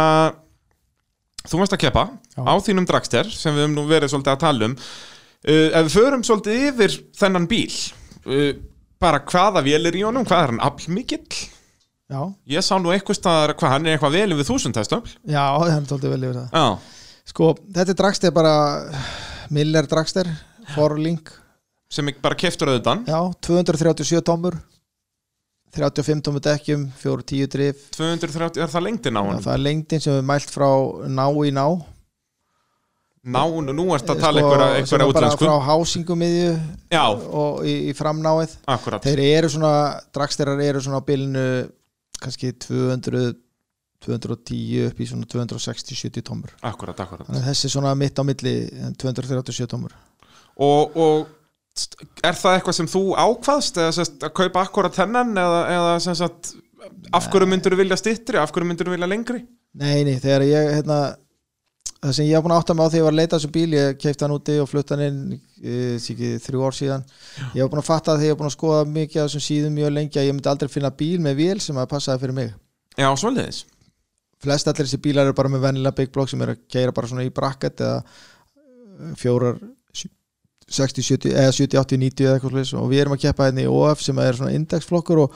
og þarf það að ná ákveðna afli þannig að ég þurfti að vera með nýtróvél Já, Þannig að er þeir eru- það ekki svona standardin hann úti? eða sem sagt- Nei, ég vildi alls ekki sko Þannig að þeir eru mjög oft seldi rolling Það því að það eru bara seldi vélalösir Já, og, bara og skiptingalösir En já, sem sagt, þá grind með hásingu og öllu svoleiðis Já, og kveikjubúna og öllu þessu sko Já, og, já. og hérna og ég vildi náttúrulega fá bíl sem var viðkjöndu fyrir 6 sekundur og ég vildi líka fá bíl sem var hérna með öllum tölvubúnaði sem Já. sagt með digital mælaborði sem þú getur tekið upp og þessum skinjarum, driftskaskinjarum og öllu þessu dóti sem þú vilt hafa olju hitta og, og, og, bara með öllum þessu búnaði sem við vorum að tala um á þann þannig að hann verið allar þessar upplýsingar Já, vegna þess að það kostar helling að setja þetta í það kosti ekkit svo mikið meira svona bílar þó þið séu svona í þannig að Já. ég var mjög lengi að finna hennar bíl og uh, já, hann átti að vera helst svartur sko Já, var það stort mál já, sko, það var búið að panta hann í að vera svartur og er að fara Batman á hann sko. Já, já, hann er náttúrulega, hann lúkar, ég vil nú að gefa þér það Já, fyrir, já, þetta var fyrir afa barnið að setja batnan Já. á hann sko. og þannig að ég fann svartan en það, ég var mjög lengi að finna hennar bíl eh, sem, sagt, sem að var með öllu þessu sem Öllu ég vildi þessu, hafa Akkurat, akkurat og þá þurfti náttúrulega að fara að koma honum heim sko, og ég er búin að fatta líka sko, ég vildi náttúrulega fá svona vagn Já. en ég byrjaði að láta smíða vagnin bara fyrst vegna þess að ég Já. sá það að ég myndi aldrei geta keft bíl og haft enga vagn Nei, það gengur ekki þannig að ég lit smíða vagn fyrir mig sem að hérna Er það smíðið úti? já, bara Já. ég lit smíða hann í Georgi og svo fekk ég þann sem smíða hann fyrir mig eða sem seldi mér hann að- að að keira upp í hérna Georgíu. já, það er í, í bandargjónum söðurgjónum og keira allar til Minneapolis og það svo Já, já, svo þaðan til- í höfni á Eimskip hérna, í- hvað heitir það, hérna, það er nú- Borsmóð engstar, hérna, Já. Boston og þar það er smá Þannig að spotti það var smá spotti, en þetta var eina leiðin til þess að koma vagni sem að passar inn í eh, sem reglugerinn þetta heima, má ekki vera meina þrjú og hálft tón burða geta, Já, til þess að þurfi ekki að setja loftbremsur og alls konar Akkúrat. svoleið síðan og koma, vagn, og, og, og koma eh, dragster sem ég vildi fá hérna heim, sko. þannig að þetta hefur verið smá hausverkur Já, þetta var leiðið lengi yfir þessu sko eins og ég sagði, fyrst kefti ég bara vélina sem átt að fara í hinn sko, en svo átt að maður sjá því að hún átti ekki heima í hinn Nei, nei,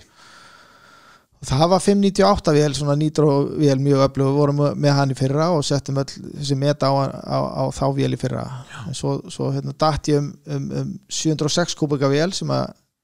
sem að er í honum núna já sem sagt, þetta er Og hvað, þetta er bara keppnisvél eða ekki, þetta kemur ekkit úr einhverju eða Ég- hvernig, ég, þetta er notu vél úr öðrum bíl sko. Já. hún var í bíl úti og hérna ég fekk hana og búið að fara á henni held ég einhverjar sex ferðir eða fimm sex ferðir eitthvað, svoleiðis, síðan var tekin síðast og hve- hvernig vél er þetta? sko, þetta er 706 kubik eh, big block sérulegt en, en þegar þú ert komin í 706 kubik þá ertu náttúrulega bara komin í eitthvað sem er ekki til Já, þannig að blokkin er bara billett blokk bara þá alveg sérsmíðu blokk já, eða? hún er bara smíðið úr áli já. og svo bara sett slífar, hún er bara, bara stór álköpur Akkúrat. sem er bara eh, sett í vélina og vélin gubbar svo út úr sér Big Block sérlega Já, og svo er náttúrulega bara stór hætt á henni hérna, Big Duke og, og, og sér milli hætt og þrjú sem sagt, eh, stór nýtrókerfi já, sem sagt, já, þrjú nú- nýtrókerfi og tveir blöndokar þannig að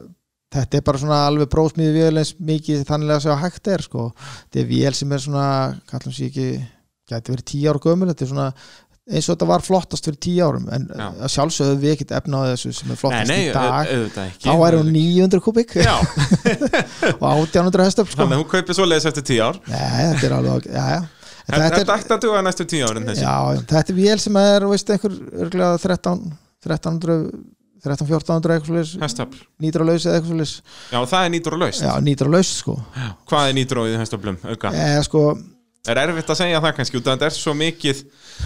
sko, kemur inn á skrítnum, þetta er ekki eins og vorum að tala um on-off-takkin, gamle góði Nei, ég, eh, eins og ég er með þetta uppsett núna þá er ég með 3-200 hestafla kit eða 2-200 og Já. 1-240 en ég er bara að byrja að nota eitt þeirra ok, og ég meina með að eins og ég var að ná útrun núna síðustu, síðustu keppni þá var hann að skila eh, nálægt 1400 út í hjól sko. já, þannig að vélni var kannski að skila 1600 eða eitthvað já, á sem sveifar ás já, já, á einu svona nýtró sko. já, og þú átt í viðbót já, og svo get ég skipt um nálar sett stærri Já, já. nálar þannig að það verður gaman að fylgjast með þér í sumar já, já, það er óvægt að segja það já, já. En við, við, við, erum að, við erum að stefna á að fara undir fjóra sekundur já, við erum í 4.25 og, og Fjóra. 5 núna akkurat og hérna er það markmið fyrir sumarið? eða er já, það... já, fyrir sumari sko. ok, ég er eh, það er verið að smíða fyrir mig brjóngrind úti bara í vestmjörn sem bílinn er búin til í geggja þannig að hún er að vera tilbúin uh, núna fyrir helgina ég áttur að komin heim þegar ég kom með prjóngrindin þá get ég fara að setja aflið á hann í startinu já, ert að lenda í vesenni eða þú hérna. eh, þú veist, ég prjónaði í fyrra sko svo hátt að mennur er hrættir já, og svo langt líka já, já, hann fór bara næst í hann var, Fór hann var um það bel meter í loftinu við tríð sko já, frábært þannig að þú veist, ég var í hvað eru það? eru það 30 fett? nei, hvað er tríð? tríð er alltaf sikið svona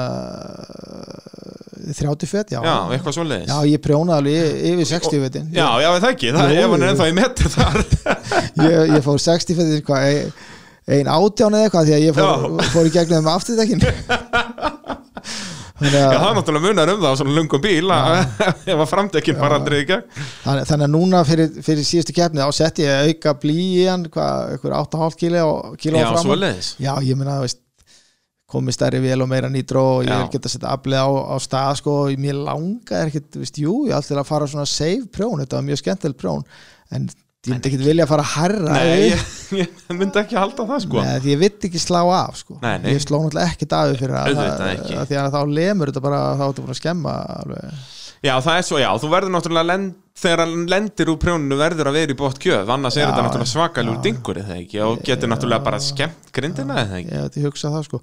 En Þetta prjón í fyrra, veist, ég fann ekki fyrir því Nei, það, þetta var bara Þetta hver var- annar dagur hjá þér þetta, nei, þetta var svo mjúkt Já, take-offið, bara því ég sló ekki þetta af og lendingin, að ég fann aldrei neitt í því, hann fó bara upp og fó bara niður og leið þér ekkert eins og þetta var svona mikið eins og þetta var já. Jú, ég vissi það en ég veist, eh, En ekkert svona,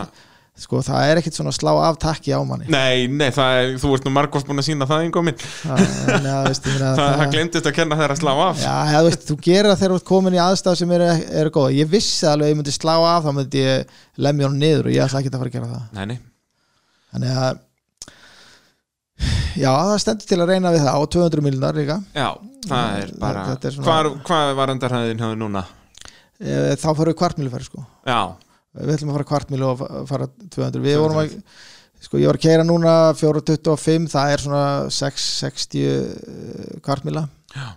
Eh, við erum að stefna á að geta farið þarna niður fyrir fjórar sko. Og þá getum við verið að tala um kannski skýt lágar sex já, hann á alveg leikandi að gera það Vist, ég má alveg setja yfir þúsund nýtrá á hann á mótor sko. já hann er þessi billet blokk og allt hún þólir bara eins mikið og ég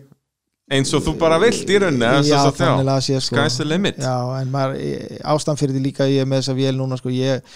ég hefða fyrir reglu eiginlega að setja ekkert meira en 80% á þetta já, svoleiðis já, ég meina að þetta endist ekkert ef þú setja nei, meira á nei, þetta ef þú ert alltaf í 100% og Já. þá náttúrulega er þetta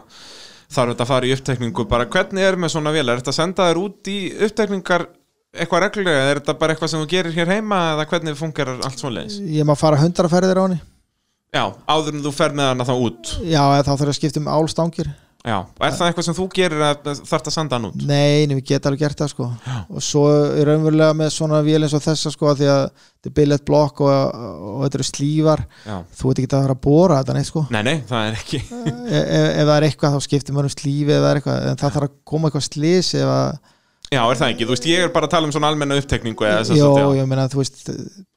hundra ferðir eru bara því að það eru álstangir í henni og Já. það er, það, það er vilja ekkert fara fleiri en hundra ferðir þá to- Nei. geta verið að fara að togna svona safe side Akkurat, akkurat. Uh, förum, tölum aðeins um keppnina núna. Hver var svona já, helstu anstæðingandir? Valur var náttúrulega mættur hana. já, ég meina bæði Stepp og Valur voru mjög skæðir þeir voru hérna, algjörlega á pari við okkur Voruð þið, hvað voruð þið margir í óæðfloknum? Við voru sex hana í byrjun sko Krissi Hafleða og Leifur og, og hérna Stígur og og svo steppi og, og valur Já. þannig að e, það var gerist eitthvað hjá Chris Haflega mjög fljótt sko stígu braut svo hérna, gýrin eða sem sagt, í sjálfskiptingunni hjá sér já, og þannig að hann datt út og þá, þá voru eftir fjórir og, og sem sagt ég man ekki hvort að Valur fór í leif og sló hann svo út steppi átt að fara í mig en þá verður þeir það fyrir því að hérna, það losnaði einhver hulsa aftan á skiptingunu þannig að þeir misti allar ólíuna út af henni Já. þarna upp, á- upp á braut þannig að þeir gátt ekki að koma á mótið mér þannig að ég fór bara einn þáferð það, það var létt og, og hérna svo ber Valur svo mikla virðingu fyrir mér að hérna, hann bara kunni ekki við hann að hérna setja rautt á sjálfan sig já, já, það er svo leiðis já, hann, hvað, þjóstartaði? hann, já, hann rann eitthvað áfram bara Já, já, bara svona af, af góð mennsku já, gómi sko, hann, hann var náttúrulega í- í sterkri stöðu, búin að fara hann þeir eru búin að ná tökum á bílinu loksins hann og hérna, Harry, þeir eru búin að vera að slást við hennar bíl Í allt bara- fyrir á sumar Já, og lengur er það ekki, þeir eru nú búin að já, ja, blás, ég held að blásana fara á hann í fyrra og Já, þeir akkurat, akkurat voru hérna að slást við hann svolítið þá sko, nú voru þeir að ná fínu tíma sko, voru Já. að kera hérna undir index þeir voru komin aðeins lengra undir index heldur en ég var að kera þessar kefni og, og verður, já, mesta samkeppnin þaðan í sumar þeir verða alveg mjög skæðir báðir sko. Já, en veist, svona okkar á milli sko já það, það er enginn að hlusta, sko Nei, bara okkar milli þá, þá erum við reynda bara búin að kveikja á bara 25% að nýtrón sem Það við er getum kveikt á reyndar, eins og við vorum að tala um áðan að það er ennþá tvö nýtrókerfi eftir, sko Tvö kerfi eftir sko, þannig að Þannig að- við getum alveg sett 400 í viðbót sko Já, bara 500 í viðbót ekki málið, sko Nei, við gerum það líka sko það er Já, bara, er það ekki, þegar- það, eins og ég segi Þetta sumar verður veistla eins og OF-flokki Það gæti orðið- gæti orðið gaman Ég held það, sko Já, það sést líka bara sko það er, það er svolítið meðbyr núna finnst mér að vera að koma í kvartmjöl Já, Við erum að ég sjá- samanlega þar sjá bara breyðari hóp áhorenda sækja meiri í þetta og fólk er að hafa gaman að séu það er að koma til þess að hérna, það er náttúrulega örgulega svolítið gaman að sjá þess að stóru bíla fara sko. Já. Já, sérstaklega þegar þetta eru eins og þarna sex bílar í flokknum og, Já, og já. þú veist, þó er nokkri dett út fyrst og þetta er svo leðilegt að þeir eru þrýr Já. og síðan dettur einn eða tveir út sko, Já, þú veist, þá er þetta ekki almennilegur flokkur sko. Nei, ég meina það er náttúrulega bara að sjá svona dragstir og lætin í þessu og prjón, ég var nú að prjóna út fyrir tré alveg núna, en bara, Já, já. bara lítið sko, sem betur vera því ég var búin að þingja hann en veist, ég, meina, ég held að fólk, veist, fólk hefur ekkert séð þetta og farið Nei, nei, þetta er þrýstingin og al lætin alveg, alveg sér sko, þetta er ekki já, alveg, alveg spes hérna, að upplifa þetta já, já. þannig að þú veist, þetta bara lítur vel út já, í sumarið og bara þetta var mjög, mjög flott viður þarna og, og flott keppni og, og það eru líka hörku góði bílar konur í fleiri flokka heldur en Já. óða flokkana sko Já, já, við erum að sjá það að í flokkunum fyrir neðan að það eru allir Já, við vorum að tala um hérna í gamla daga þegar menn voru að fara hérna á 12-13 sekundum sko, núna er það bara frekar hægt já, já, en þú veist samt 12-13 sekundur er alveg Það er hörku gott sko en þú veist, þá kemur þetta sko íslenska eh, aðferðin sem ég var að segja sko þeir sem eiga 12-13 sekundar bílar þeir eru að horfa á þess að 10 sekundar bílar Já, já, hvað ég get ekki verið að koma núna maður þessi þannig að fyrir á tíu en þú veist, sá sem er kannski á tíu hann er búin að vera þú veist, mörg ára komast í tíu já, já þannig að þú veist, þ- þ- þú veist menn er bara að koma og hafa gaman á að vera á sínu forsendum í alveg saman hvort þeir eru í þessu mótorsporti eða einhverju öðru sko. en kannski munun á kvartmjölu eða drifti eða einhverju, já, kvartmjölu og drift bara til dæmis, þú veist, þú veist það líð, þú lígur engu í kvartmjölu, Nei, nei, það kemur er- bara tíminn Þú getur ekki faliði bak við neitt, Nei, sko í drifti er þetta huglægt Já, já, og í öllu, og þú veist, í rally og Já. torfæru og öllu, það er alltaf hægt að koma, þú veist, eins og bara í rally sem ég svona þekki kannski hvað best að, frá því að vera keppandi, þú kemur út á leið heyrðu, ég var 20 sekundum hraðari þá kemur hinn, já, ég var bara með kóluvitlausan hérna, loftrýsting, kóluvitlausan Já, nei, nei, ég var miklu hraðari Í kvartmjölu, það virkar ekkert svoleiðis, það er bara þetta er ferðin, Þetta er ferðin sko það er svolítið svoleiðis Já, já. sem er náttúrulega er beautyð við, við kvartmjöluna uh, Þú sem formaður kvartmjöluklúpsins til margra ára núna í, í röð Já, þú hefur séð já, miklar já, breytingar þá sérstaklega á, á, á svæðinu þegar þú tekur við í, í já, þetta skiptið að þá er þetta ein kvartmjölubraut og einn ein skúr já, og og smá malbygg, eitthvað fyrir utan það já, í dag er þetta full-on kappastusbraut já, já, með gullfallegum pitti og torfærisvæði já og sandspöldumbröð og sandspinnubraut, ég var meira að segja gleyma hérna í upptalningunni já, og, og fullkominri sandspinnubraut já, já. hvað hérna, hvernig gerðist þetta? sko þetta er náttúrulega bara búið að vera samastilt átak margra manna sko og hérna og hérna það við erum búin að fá bara menn með okkur í liði sem hafa verið tilbúin að hjálpa okkur og við náttúrulega eh, fengum aukaskólan hann inn á svæði Já. til okkar sem að með svona kannski byrjunum á þessu Já, er það ekki svolítið stórt búst sem sagt peningalega séð? Jú, jú, þú veist, þetta er náttúrulega Jú, jú, þú veist, það er bara þannig að, að- að, að mann horfa á þetta bara svona eins og þetta er að Ísland er lítið land og markarinn er lítill og þú veist, það er ekki margir þannig að sé í neinu mótorsporti, þetta er kannski einhverju tugir mestalagi í Já. hverju og eh, veist, þú hefur ekkert að gera með einhverja kappastusbraut eh, margar klukkutíma á dag Nei, nei, Eða, þú veist, það er engin sem hefur efnaði að keira keira dag eftir dag Nei, nei, þú veist þannig að þú veist, þetta er bara nýta svæð Já. veist, og svo kemur þetta bara þegar þú byrjar að, hérna, að nýta svona svæði þá koma sér samlegar áhrif Já, veist, ég meina kvartmjörklúburinn var lengi bara einhverjir 100, 112 meðlimir sko. hann er búin að vera í mörg ár núna yfir 400 já, Í- Já, rúm 400 eftir að hérna. byrja maður hingast akkurat þannig að þetta er bara stórt félag og, og ég meina það er starfs með það veist, þrjúkvöldi viku pluss keppnir um helgar Já, já, það er ringastur móturhjól, ringastur bílar svo kvartmil á 50 dögum stundum drifti viðbót já, akkurat eins og sérstaklega í kringum keppnir og svona Já. driftæfingar hér og Já. þar og, og bara já, já, það er það verist alltaf eitthvað verið í gangi þarna, sko já ég meina, já já og hérna,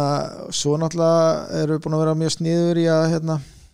eh, hvernig þetta hefur verið framkvæmt bara með hérna verðtökum og öðrum sko já. en þú veist það er búið að eða fullt af peningi þetta þetta eru Já, þetta er ekki ódýrt Nei, nei, en þú veist sumt hefur við fengið bara með miklu styrkjum og, og hérna, það er það er nefnilega eitt sem að er mjög merkild í þessu sem að e, e, e, e, kemur bara við það sem hún sagði ráðan sko, þegar þú varst að tala um fyrstu myndirnar hann að á kvartmilinu Já, já, bara hérna. 70 og eitthvað skilur við. Akkurat. þetta voru þúsundir manna það eru allstað kvartmilumenn í þjóðfélagin Já, algjörlega og þannig Það að er líka á ótrúlegustu stöðum velviljin er með ólíkindum Já, já, út um allt gagvart kvartmjörklum þannig er svona eins og að hann sé hluti af þjóðarsálni það, það er svolítið svoleiðis Ha. eins og þetta, þetta var svo sem sagt mikil þróun þegar þetta kemur hann fyrst já, a, a, og eins og ég segi það ég hitti kvartmílu kalla bara allstaðar að það bara skiptir engum máli hvort það sé tannlæknirinn minn eða, eða stelpan sem er að tekka minn á hótel eða hvað það er sko það er, þetta er bara já, allstaðar af er, og, og þessi velvilið mitt og það er, ein- það er engum sem er illa við kvartmílu sko fólk er illa við götusból og alls konar svoleiðis en, en mikill velvilið mitt við, við þetta já, þannig að veist, það eru fullt af mönnum sem hafa lagt okkur bara lið bara veist, í því sem við hafa verið að gera já. svo náttúrulega það er náttúrulega er gríðalegt tækifæri að veist, vera komið torfæru svæði já. inn Í- á bara göngufæri frá bænum já, liggur við, sko. ég meina, veist, og ég meina þetta er 26 metra hátt fjall Já. veist, þetta er ekkit eitthvað pínu lítið eitthvað, sko. Þetta er bara, ég var ekki farið svo langt inn á sveði sko, ég veit þá ekki séð þetta ég heyrði að þetta væri svaka stórgrít og leiðilegt Nein, það er bara þegar En það við erum þvæla? að styrta í þetta sko, þá, þá detta allir steinarnir í- utan á veist, Já, það er bara eftir akkúrat. að, það er bara eftir að hérna, grjóðsteinsa það er Já, bara, já, og það er náttúrulega eitthvað sem þú verður bara gert já, og, já, við erum búin að slétta allt þarna fyrir framann og erum að fullu núna að fara í að undirbúa svæði við komum til með að setja hérna, fræs hérna, sem þjónustu svæði verður á já. hitt er allt búið að slétta og þetta náttúrulega, það er torfæra núna bara hvað, í loka ágúst já, 29. ágúst og getur ímyndar geta farið á torfæru í í Reykjavík það Já, er ekki að þetta er keira bara geggjað, sko. út úr bæinn sko. algjör snild, ég hérna með árunum held ég að þetta er eftir að verða vinsalasta torfæran Ég held að það sé ekki spurning sko, og, veist, og ég held bara að menn átti sér ekki á hversu verðmætt það er fyrir mótorsportið á landinu að fá að hafa svæðið inn í hjarta borgarna návast skilur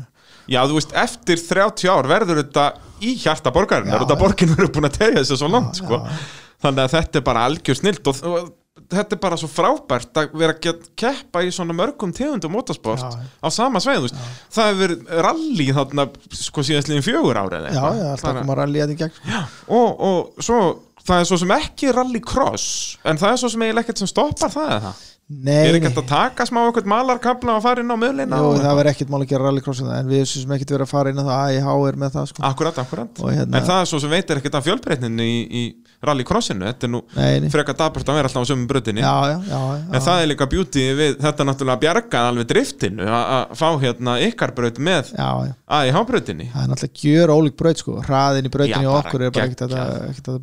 viða saman sko. eins og vorum að tala við driftarana hérna í síðasta þætti sko að- að að þeir töluðum það að hraðin í þessar braut er svo mikil snitt að geta loksins að vera að setja upp í fjórða og fymta gýr já, já. að það munar svo um það og náttúrulega við höfum séð það bara í þessum driftkeppnum þetta er algjör snild já, þú ert komin bara í allt annan level að aksjónu og líka bara eins og maður sér þetta erlendis já, já. og líka bara, veit, þetta er bara annað skillset sem þú þarf til þess að geta gert þetta já. þannig að veist, þessi driftar eru alveg skuggala flottir sko. hvað þeir eru flinkir að gera þetta ég er bara, veist, og þeir driftar eru bara brautina sem er bara spotless já, já. og veist, alla beigirnar bara, það er ótrúlega að horfa á þetta sko. þetta er alveg magna, líka bara keppn eftir keppn eftir keppni, þetta er bara alveg svo kappakstur það finnst mér alltaf svo magnað að það hefur aldrei verið keppt í kappakstur á Íslandi Æ, það er núna eftir rúma viku já, já, það er bara núna já, og, og hérna munum byrja smátt, þú veist ég, þessi þúsund flokka pæling finnst mér algjör snild já það verður að gera þetta svona já, það verður að byrja þannig sko. Já, það- en, en þetta verður svo sem ekkert þetta verður ekki hraðast í kappaksturinn það er alveg að segja það sko, þú veist, en það, þetta er byrjunin og þetta mun espa aðra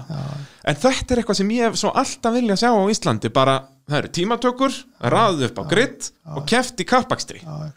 sko þetta verður að vera í svona flokk vegna þess ef þetta er í einhverju öðru þá kemur einhver sem á alla peningana Jep, og hann étur flokkin jep og hinn verður ekki með Já, þú veist, þeir vera með í einu eða Já, tveimur ég er að kefnum og segja gefa svo sig upp sko. gefast upp, þetta- út af því að það er ekki þetta þyrft alltaf að vera svo opinn flokkur að bíla, það væri leiðilega mikið bíl á bílum eða sérst, já, langt á milli bíla já. þannig að þetta yrði ekki gaman, þess vegna er svo mikið snild að byrja á þessum þúsundflokki bara út af það er nóg til af þessu rallycrossinu já. og já, þeir eru það litlir að þeir vilja allir vera á sama staði í brautinu á sama tíma þannig að ég það verður meina- nóg aksjón Já, ég meina þú veist, það er náttúrulega bara þeir geta kert í botni Já. þetta er allt bara hvað þeir eru flinkir að skera Algjörlega. beginar sko. Þetta er bara eins og að fara í go-kart með fjölugum sínum skilur. akkurat. Þetta er allt bara, þetta er grjút máttlust og leðilegt en það er samt sem að það er besti ökumæður sem vinnur að nýta hvert einasta já, hestak já. Þannig að þú veist, þetta er bara frábært sko, og, og hérna uh, það er til dæmis æfing núna upp á braut sko. Já. ég ætla nú, nú að kíkja, það er búið að vera núna hópu manna bara upp á braut Já, núna. það ekki? Jú, bara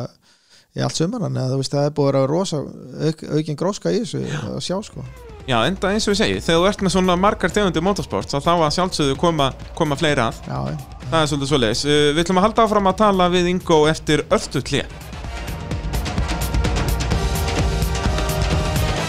Jú, þeir eru að hlusta á motorvarpið hér á Sport FM Svo er þetta samsögðu allt uh, aðgengilegt sem podcast bara að leita af motorvarpinu í já, hvaða appi sem þú ert að nota til að hlusta á þín podcast og endilega muna að íta á subscribe þannig að þú missir nú ekki af næsta þætti Ingólfur Arnason, eh, við erum að tala um kvartmílu og erum svona eiginlega að byrja að tala um já, allar þær aðrar tegundir akstusíþrótta sem hægt er að stunda á kvartmílubrautinni. Já, Þannig er náttúrulega komin, já,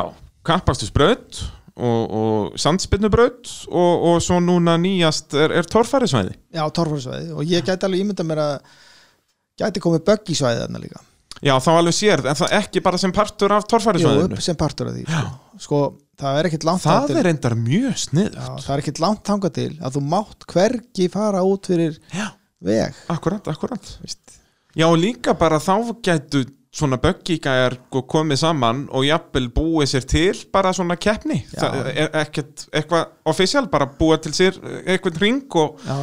annarkvort taka tíma að sjá hver kemst þarna upp og já, þetta verið snilt út af þarna getur við verið bara likku við kert böggíin þarna út á svæðið eða komið með hann á kerruna eða hvað það já, er getur kert hann bara þú veist. og þetta er alveg, já, þetta er alveg snilt það er mjög öðvöld að formata vegna þess að torfarsvæði það tekur bara eina hlið í fjalli já, þá áttu alveg hína hliðarnar allar eftir Já. og ofan á fjallinu,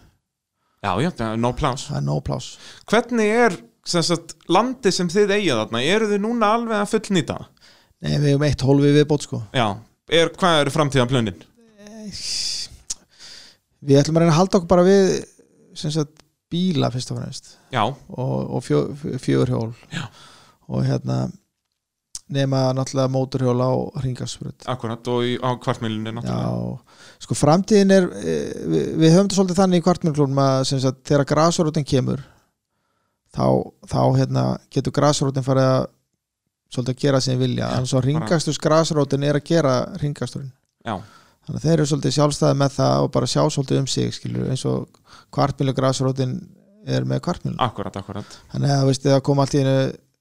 veist, einhver ný grasrót það, og, og menn með áhuga af því að það náttúrulega er engin sem það á engin svona klúb, bara með elementir nei, nei, já, ég segi það, það er bara fólki sem á klubin já, já. þannig að veist, þetta hefur verið svolítið hugsað þannig á okkur sko, og það sem að krafturinn er þar blómstur á blómið já, og hérna já, já, það er bara þannig að semst, já, þetta auka hólf sem þið eiga þarna, það getur verið framlenging á kappasusbrötinni eða Já, við hefum alveg Annað- meira, meiri svæði fyrir hana sko, við Já. viljum, viljum framleikja hana sko það er alveg, Já, er það ekki? Þetta er svona, hún er flott núna en það mætti gera, hafa þetta meira svona eila Formule 1 stíl eða þannig svona, ég held það ef við, ef við myndum fá kappaksturinn á það level sem að ég er full að trúa að gerist á endanum, að þetta verða hérna 300-500 stafla bílar að að berjast í kappakstri að þá var um að gera stækka brautina og gera breyðar og stærri og, og já, nýta þetta eitthvað í það, það væri möguleiki já, það er mjög öðvöld að lengja hana um svona 900 metra, Já, nákvæmlega það er alveg 800-900 metra hana, sem að er hægt að taka eina slöðu fyrir niður fyrir Já, sem við erum alveg með landi í sko akkurat Og þannig að þú veist, það er þá er hún orðin hvað þrýr, hún er tveira hálfur í dag þú veist, þú komið þrjá hálfur kilómetri, þá er hún Þá orðin alveg mjög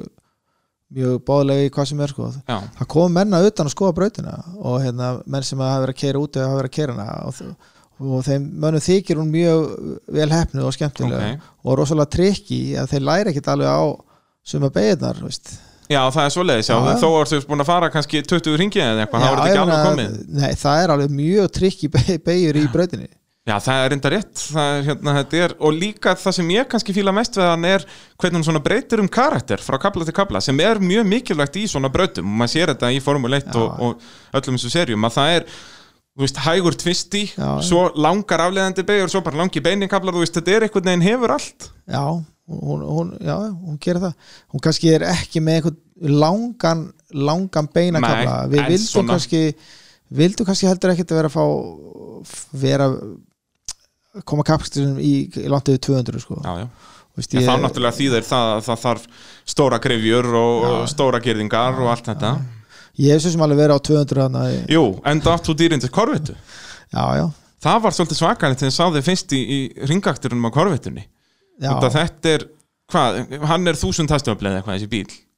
já hann, ge- hann er svona frá 800 og 800 eitthvað svoleiðis út í hjól bara eftir hvað turbínar eru látna blása Já, það er, er það stillanlegt já, eða? já, það er sem sagt- sem og sagt- er þetta hvað, tvinn turbo? Það er Twin Turbo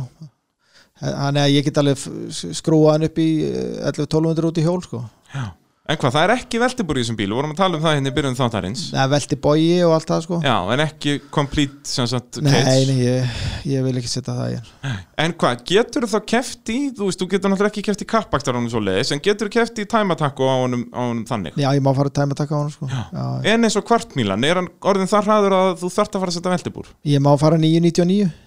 Veist, Já, það- þá, um leið og að ferð undir 10 þá þarf að vera veltibúr já, Já. sem sagt ég má vera í flokk sem er, eh, er, er verið að keppi 999 Akkurat, og Ég- ertu búinn að ná því eitthvað tíma? Já, já, þannig að það er, þú þurftir að setja veltibúr í hann nei, nei, nei ég, veist, ég get bara að lempa hann skilur Já, já, ef þú ætlar að fara að keppa Ef ég ætla að fara að keppa Já, En ég, en það er ekkert plan hjá þér að fara að setja veltibúr í hann Ekki Nei, í nei. spíltúra bílinn Nei, nei, ég meina, veist, ég myndi freka leika mér á, þessu- á honum í ringasturinn Já. hann er, er rosalega skemmtilega ringasturinn Já, En það ekki, það er Já. náttúrulega þetta fjarar alveg ágætlega og eitthvað þráttur Já. að vera ameríst og beigir og allt það sko en hann, það er bara, veist, þegar maður er komin á bíl sem er með svona rosalega mikið power það er sko miklu erfiðar að keira hann Já. í svona ring sko af því að, Já, það þarf einhvern veginn að, það þarf að bífa allt upp sest, alla hinna partan á bílum líka já, einhvern veginn ég er alveg búin að því sko Ok. bremsurnar og allt það Já, en þú veist, þú þátt að reikna út bremsu vegalengdi bara upp á nýtt sko. Já, ég meina þegar þú ert komin upp í 200 km hraða bara á núleidni já, ég veist, ég hef alveg farið þarna að vera á 200 sko, Já, í brautinni sko. og þú veist, þá þarf ég að fara þú veist, að skýta á mig að hérna, hvenær á ég að bremsa og þá bremsa ég á snemma þú veist, þe- þetta er alveg þannig sko, og hérna, já, þetta er þú veist, ég verið eiginlega bara svona líku í svona hálf hrættur sko, þú veist, og bremsa alltaf á snemma Já, já, Af því að já, ég já. er komin á svona svakalega ferð sko og best að keira bara með einhverjum og eftir einhverjum þá eldi ég á en þú veist, svo venst þetta náttúrulega bara eins og allt fattar en, en, en brautin brautin er þannig að hún getur bíla já, svo leiðis já, hún er erfið á bremsur og dekk og að því að það eru Já, það, hún er það það er hraðikablar og bremsa mikið og hraðir, þú veist, þannig að ég Og svo langar afleiðandi Já, beigur sko, já, sem er já, jæta dekkinn já, og já, allt þetta já, já. þannig að ég veist, veist hún er allt og kraftmikið í þessu braut sko. Já, Þannig að, en þá er þetta kannski frekka bara að manda æfingar og eitthvað Það er einn og einn ring taka nokkra ringi og svona sko. já, já, en þú veist, ég ætla að hérna, vera miklu meiri ringasturum á bílum sko, Já. og og byrja að breyta honum uh, meira, það er orð tvö ár síðan sko, og ég náði bara ekki klárað almenni í fyrra, þegar það er svo mikið að gera í vinnunni stundum og, og, og, og kvartmjörni líka en ég er að vonast til að klára það alveg í sumar, sko. Ok, þannig að ég er langt komin ég var að setja alveg nýtt tölvukerfi í bílinn já, bara vél á tölvu já, dæmi. já, ég var að setja vélatölvu á þessi ég var með áður ég var bara með standard vélatölvu svo er ég með eina tölvu fyrir bústið og eina tölvu fyrir uh, tústep Já, svo leiðis, ertu núna komið með bara eitt sístem þú bara eitt system og allt og þá er ég líka komið með svona fail safe sko við vorum að tala um það áðan sko þú færið ekkert fyrir dótið þú er búin að eðilika Já, þannig er það innbyggt í þessu tölvu sístem eða Já, það er, já, nú get þá ég verið ertu ekki með- geta að fara að skemma hluti nei, ég get bara látið að hann veist, fara niður í snúning ef að olíu breytist eða eitthvað Já, já. eða bústið eða, eða veist, ég get látið hann a- akta bara með að hvað er í gangi sko Þannig að tölvan getur haft vit fyrir þér Já, og svo er ég, í þessu sko er ég með álfuru, álfuru, álfuru spólvörn sko,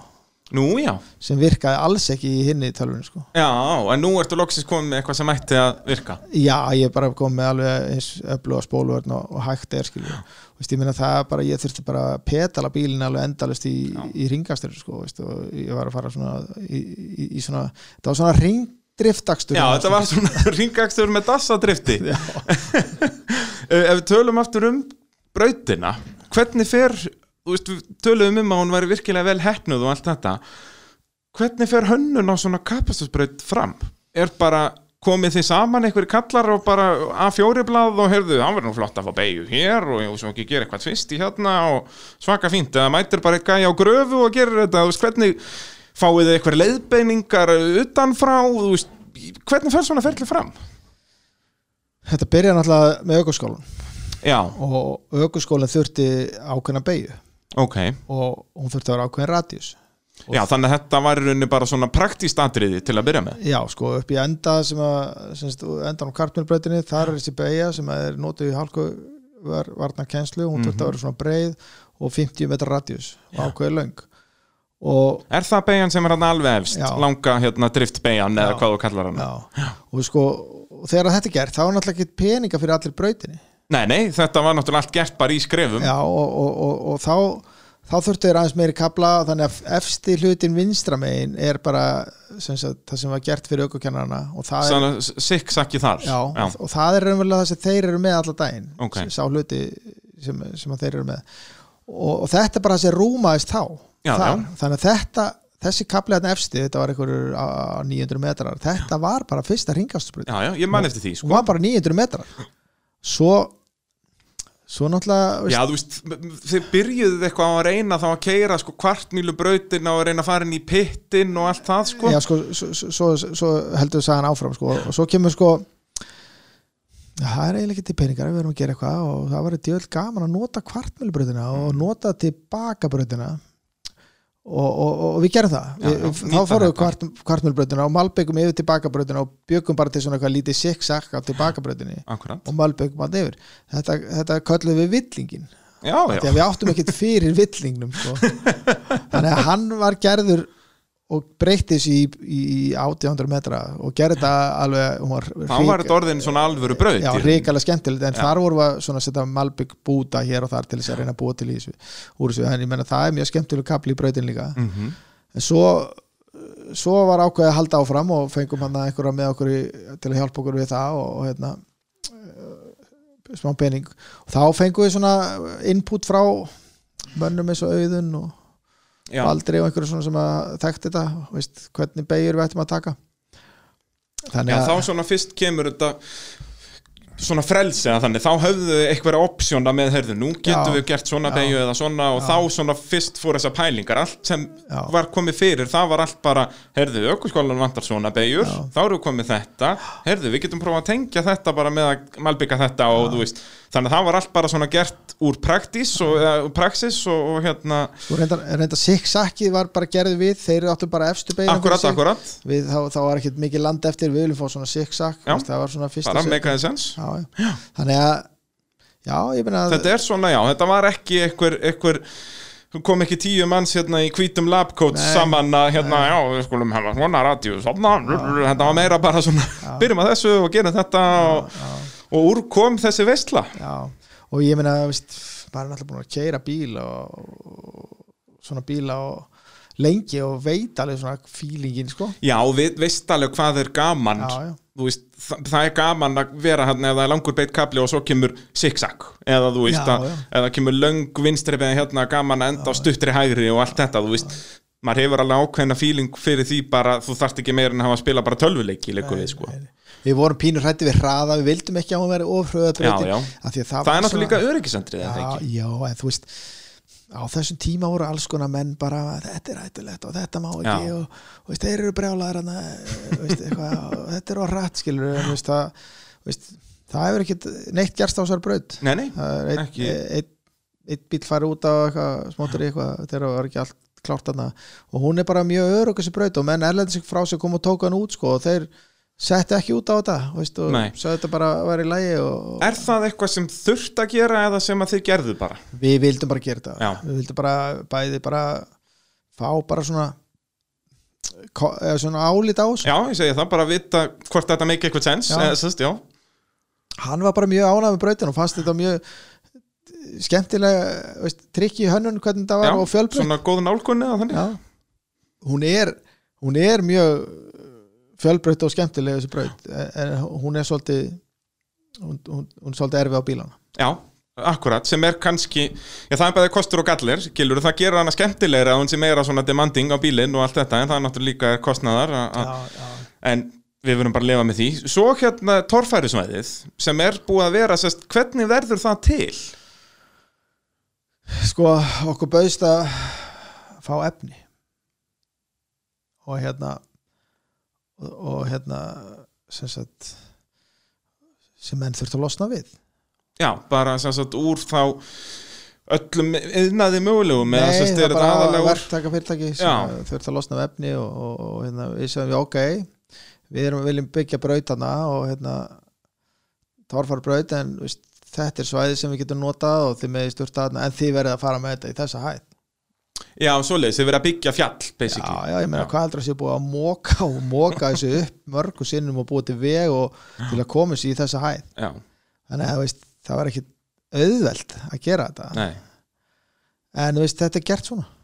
bara að fá út af það er náttúrulega er svona þannig sé ekki það mikið mála að fá fólk til að dömpa efnið þarna, Já, þú veist, það var En- ekki hver sem er að því að það Nei, þurfti nei. að gera þetta rétt og skipulega akkurat, akkurat og ekki svona dömpa hverju sem er Nei, og ég meina þetta var hagsta eða þú veist, þetta er örgulega hagstaðar heldur en að fara með þetta eitthvað lengra eða eitthvað skilur já, já, algjörlega, Já, þú algjörlega. veist, þetta er og svona, náttúrulega, já, þeir græða báður að þessu bæði þeir Já. sem að ná að dömpa efninu þarna og svo náttúrulega fá við torfærisvæði já, já uh, hvernig verður með börð og svoleiðis, það er náttúrulega er ekki náttúruleg börð eða svoleiðis, eru þið búin að vera að grafa á vesana stíðinsu eða? Eh, það er ekkert mál að búa til börð Já, við höfum nú séð það í torfærinu að gröfubörðin er ansi leiðileg sko, það- það hef- væri þurft að sko búa þau til eitthvað fyrirfram og leifa að rigna í það og eitthvað annars eru, eftir tvo bíla eru þau farin Er það ekki? eða sko þetta er náttúrulega ekkit smá farg þetta fjall sko. Já, já, það þetta er mjög stórt þannig að ég er svo sem hef ekki alveg reynsluna í þessu Nei, þetta- við sem þú fáið ert að eitthvað tala tor, um, torfæri og kalla í Já, þetta það eru tor, torfæru menn sem er með þetta verkefni að búa til hérna brautirnar Akkurat, og akkurat hérna þeir verða að leysa það ég held sko, veist, það, þetta er svo ofbóðslegt magna efni þarna að þú getur alveg búið til stálaðna sem fer ekki neitt sko. Já, ég held að, og, og líka út af þetta er svo stórt að það verður alltaf fjölbreytna þarna held ég, Já. og það er alltaf hægt að gera og svo kannski eftir fjögur ár þegar það er búið að vera svipaðar breytir í fjögur ár þá var bara snúið allar kvolf bara gerum eitthvað alveg nýtt Já. Og það er ekkert mál þannig, séð, jú, jú, það tekur náttúrulega tíma og, og hérna fullt af höndum já, en, en þegar þú ert með svona svæði að þá er þetta, já, mjög frjálslegt já, séð. ég held það sko ég meina veist, ég meina hella það er ekkit veist, það er ekkit það er, brekkurnar þar eru ef eitthvað er það eru bara minni já, það eru minni held ég þetta, Já. er, þetta er meiri svona akureyrar feelingur í Já. þessu sem þið eru með held ég Já, svona allavega að sjá þetta fjarlæð ég hef náttúrulega ennþá ekki komið í grifjurnar sjálfar nei, en, en ég er mjög spenntur að sjá hvernig Já. keppnin verður hérna í loka ágúst já, hvernig og þeir eru búin að gera pitt þarna og, og hvað, ver, það verður svo áhörönda svæði og eitthvað já, já, það er mjög gott pláss fyrir áhörðurna áhörðurna geta nánast verið bara upp á möninni við sandsbynnuna bara að horta það yfir já, allt. akkurat já, þetta er náttúrulega allt bara í einum hnapp Já. hérna, þetta er alveg geggja sko svo er hérna laut hérna niðri svona gömul sem sagt gömul gönguleið sem að er friðus Já. í raunni fólk getur verið þar niðri líka sko. þannig að við höfum mestar ágjur að það vera alltaf margir sem koma að vera erfitt að að já, hafa þetta. það var nú drauma vandamál að hafa já. þannig að en, hva- en þú veist, framtíða plön að gera stúkur og eitthvað við skulum bara sjá hvernig þetta eh, veist, Hvernig þetta fer. fer, fer í gang sko. og hérna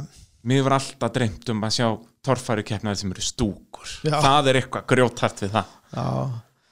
en það er spurning, hvað vil fólk vera nálagt? hvað er sættir Já, þessi að svo vera er það langt frá? náttúrulega líka, sko og það er náttúrulega líka öryggisatriði við ég hefum nú veit. margóft séð það að fólk er að hafa verið að grýta fólk niður, sko þannig að, að þetta þurft að vera bara eitthvað í og svo náttúrulega mesta vandamál við torfærukeppnir er að það eru yfirleitt fólk þarf að færa sig, sko það er ekki, en þegar þú ert með svona þá geti það gengið, það er eiginlega helst á einhverjum svona svæðum, þetta og eins og akureyra þá var hægt að vera á sama stað allan tíma þá var hægt að henda upp stúkum já, já. en það er náttúrulega aur og, og svo situr enginn í stúkonum í 364 daga á ári þannig að Já, ég meina, veist, það er veist, það, það var kannski spurninga ef að klubburinn ætti stúkur sem var hægt að setja upp og niður þá var hægt að hafa þetta sem framlengingu á stúkonum og kvartmjölubrautin alla hérna daga á árinu eða hvernig sem það veri og svo stundum hægt að fara með þeir upp í hringaksturinn og eitthvað við eigum tvær stúkur en það eru ekkit sérstakar Já, sem eru bara þarna, það er náttúrulega ekkert hægt að taka þeir upp og niður eða það eða þær eru svona gamla færanlegar sko, En þær Nú, eru já, bara- ok. bara orðna lélegar sko. ég veit ekki alveg hvernig veist, jú, jú, örgli framtíðinni með uppbyggingun og allt sem er í gangi hérna, þá er Já, ég er bara svona brainstorma sko verða stúkur sko en ég er bara svona held að fólki hérna þurfa alltaf að vera svolítið frá þessari torfæri sko Já, já, það er Já. náttúrulega stort mála að maður veit ekki alveg hvað, hvað það er að vera og svona en En það er eitthvað eins og maður myndur læra það með, með árónum sko. já, já, maður sér það Svo náttúrulega væri geggjað að halda svona eins og maður sér oft í bandaríkjónum svona motorsport festival þar sem væri bara 50 degi kvartmíla og 1. degi sandspilna og lögandi torfæra og sunnudegi rally og eitthvað og svo bara hljómsettir á um kvöldin og, já, já. og stórt tjálsvæði og eitthvað það er enda kannski pínu skrýtaður með tjálsvæði í hafnaferði En við ætlum, erum reyndar að fara að gera tjálsvæði Já það er svo leiðis Já, Já, sko Veist, Við erum ekki að bóðið fólki sem eru kannski að koma utan landi Já. í keppnir að vera með einhverja aðstöð að geta verið að gist kvöldi fyrir og eitthvað, já. Þannig að hvað, verður það grasplettur hann bara eitthvað staðar? Já, við erum svona að horfa á þetta við hliðin á þessum pitturinn eh, sem sett Já. kvartmjölin er og, og hérna eh, svona á milli og í áttina hérna, Á sandsmyndubreytinu í já, rauninni. þar, Þar, þar er svona hot sem við ætlum að byrja með já. sem grasflött Já, já ok, já. Já, ég meina þú veist, það er stutt í vatn og allt þar sko. Þannig að við erum alveg að hugsa þetta þannig að þetta þarf að geta verið í framtíðinu þannig að þú getur verið að taka svona helgi og, Já, nákvæmlega, nákvæmlega. þá, get, þá viltu vera á svæðinu líka sko. þannig að ég meina jú, alveg bara veist, í framtíðinu örgulega sandsbyrna, torfara veist, Hvað það er, hvort bara, það, drift, það eru veist, ég nægir meina, möguleikar. það Þegar eru þú nægir hefur allt, möguleikar. a- allt þetta svæði með- sem býður upp á alla þessa möguleika, þá náttúrulega er þetta er bara ekta til að senda motorsport á Íslandi á hærra level. algjörlega, Það er bara svo leiðis. algjörlega. Uh, Ingólfur, það var frábært að fá þig í spjall og, og fara yfir þetta allt saman. Erum við ekki búin að ná að cover þetta nokkuð vel? Er eitthvað, erum við að gleyma einhverju? ég held að þessu er búin að reykja um mér alla gatnirna Já, það er svoleiðis. Við sjáum til, ég finn kannski einhverja, e- já, einhverja fleiri svona setna, þá getur þú komið aftur til mín í spjall já, þegar þetta fer að þróast eitthvað meira að þarna. já, já. Uh, ég vil svo þakka bara að ég var að hlutum uh, innvelum og, og bílapunktinum kærlega fyrir að styrkja þennan útvastátt og, og hlaðvarp. Ingo, enn og aftur takk kærlega fyrir spjallið já sem er leiðist takkjalega og já, þanga til eh, næst. Bless, bless.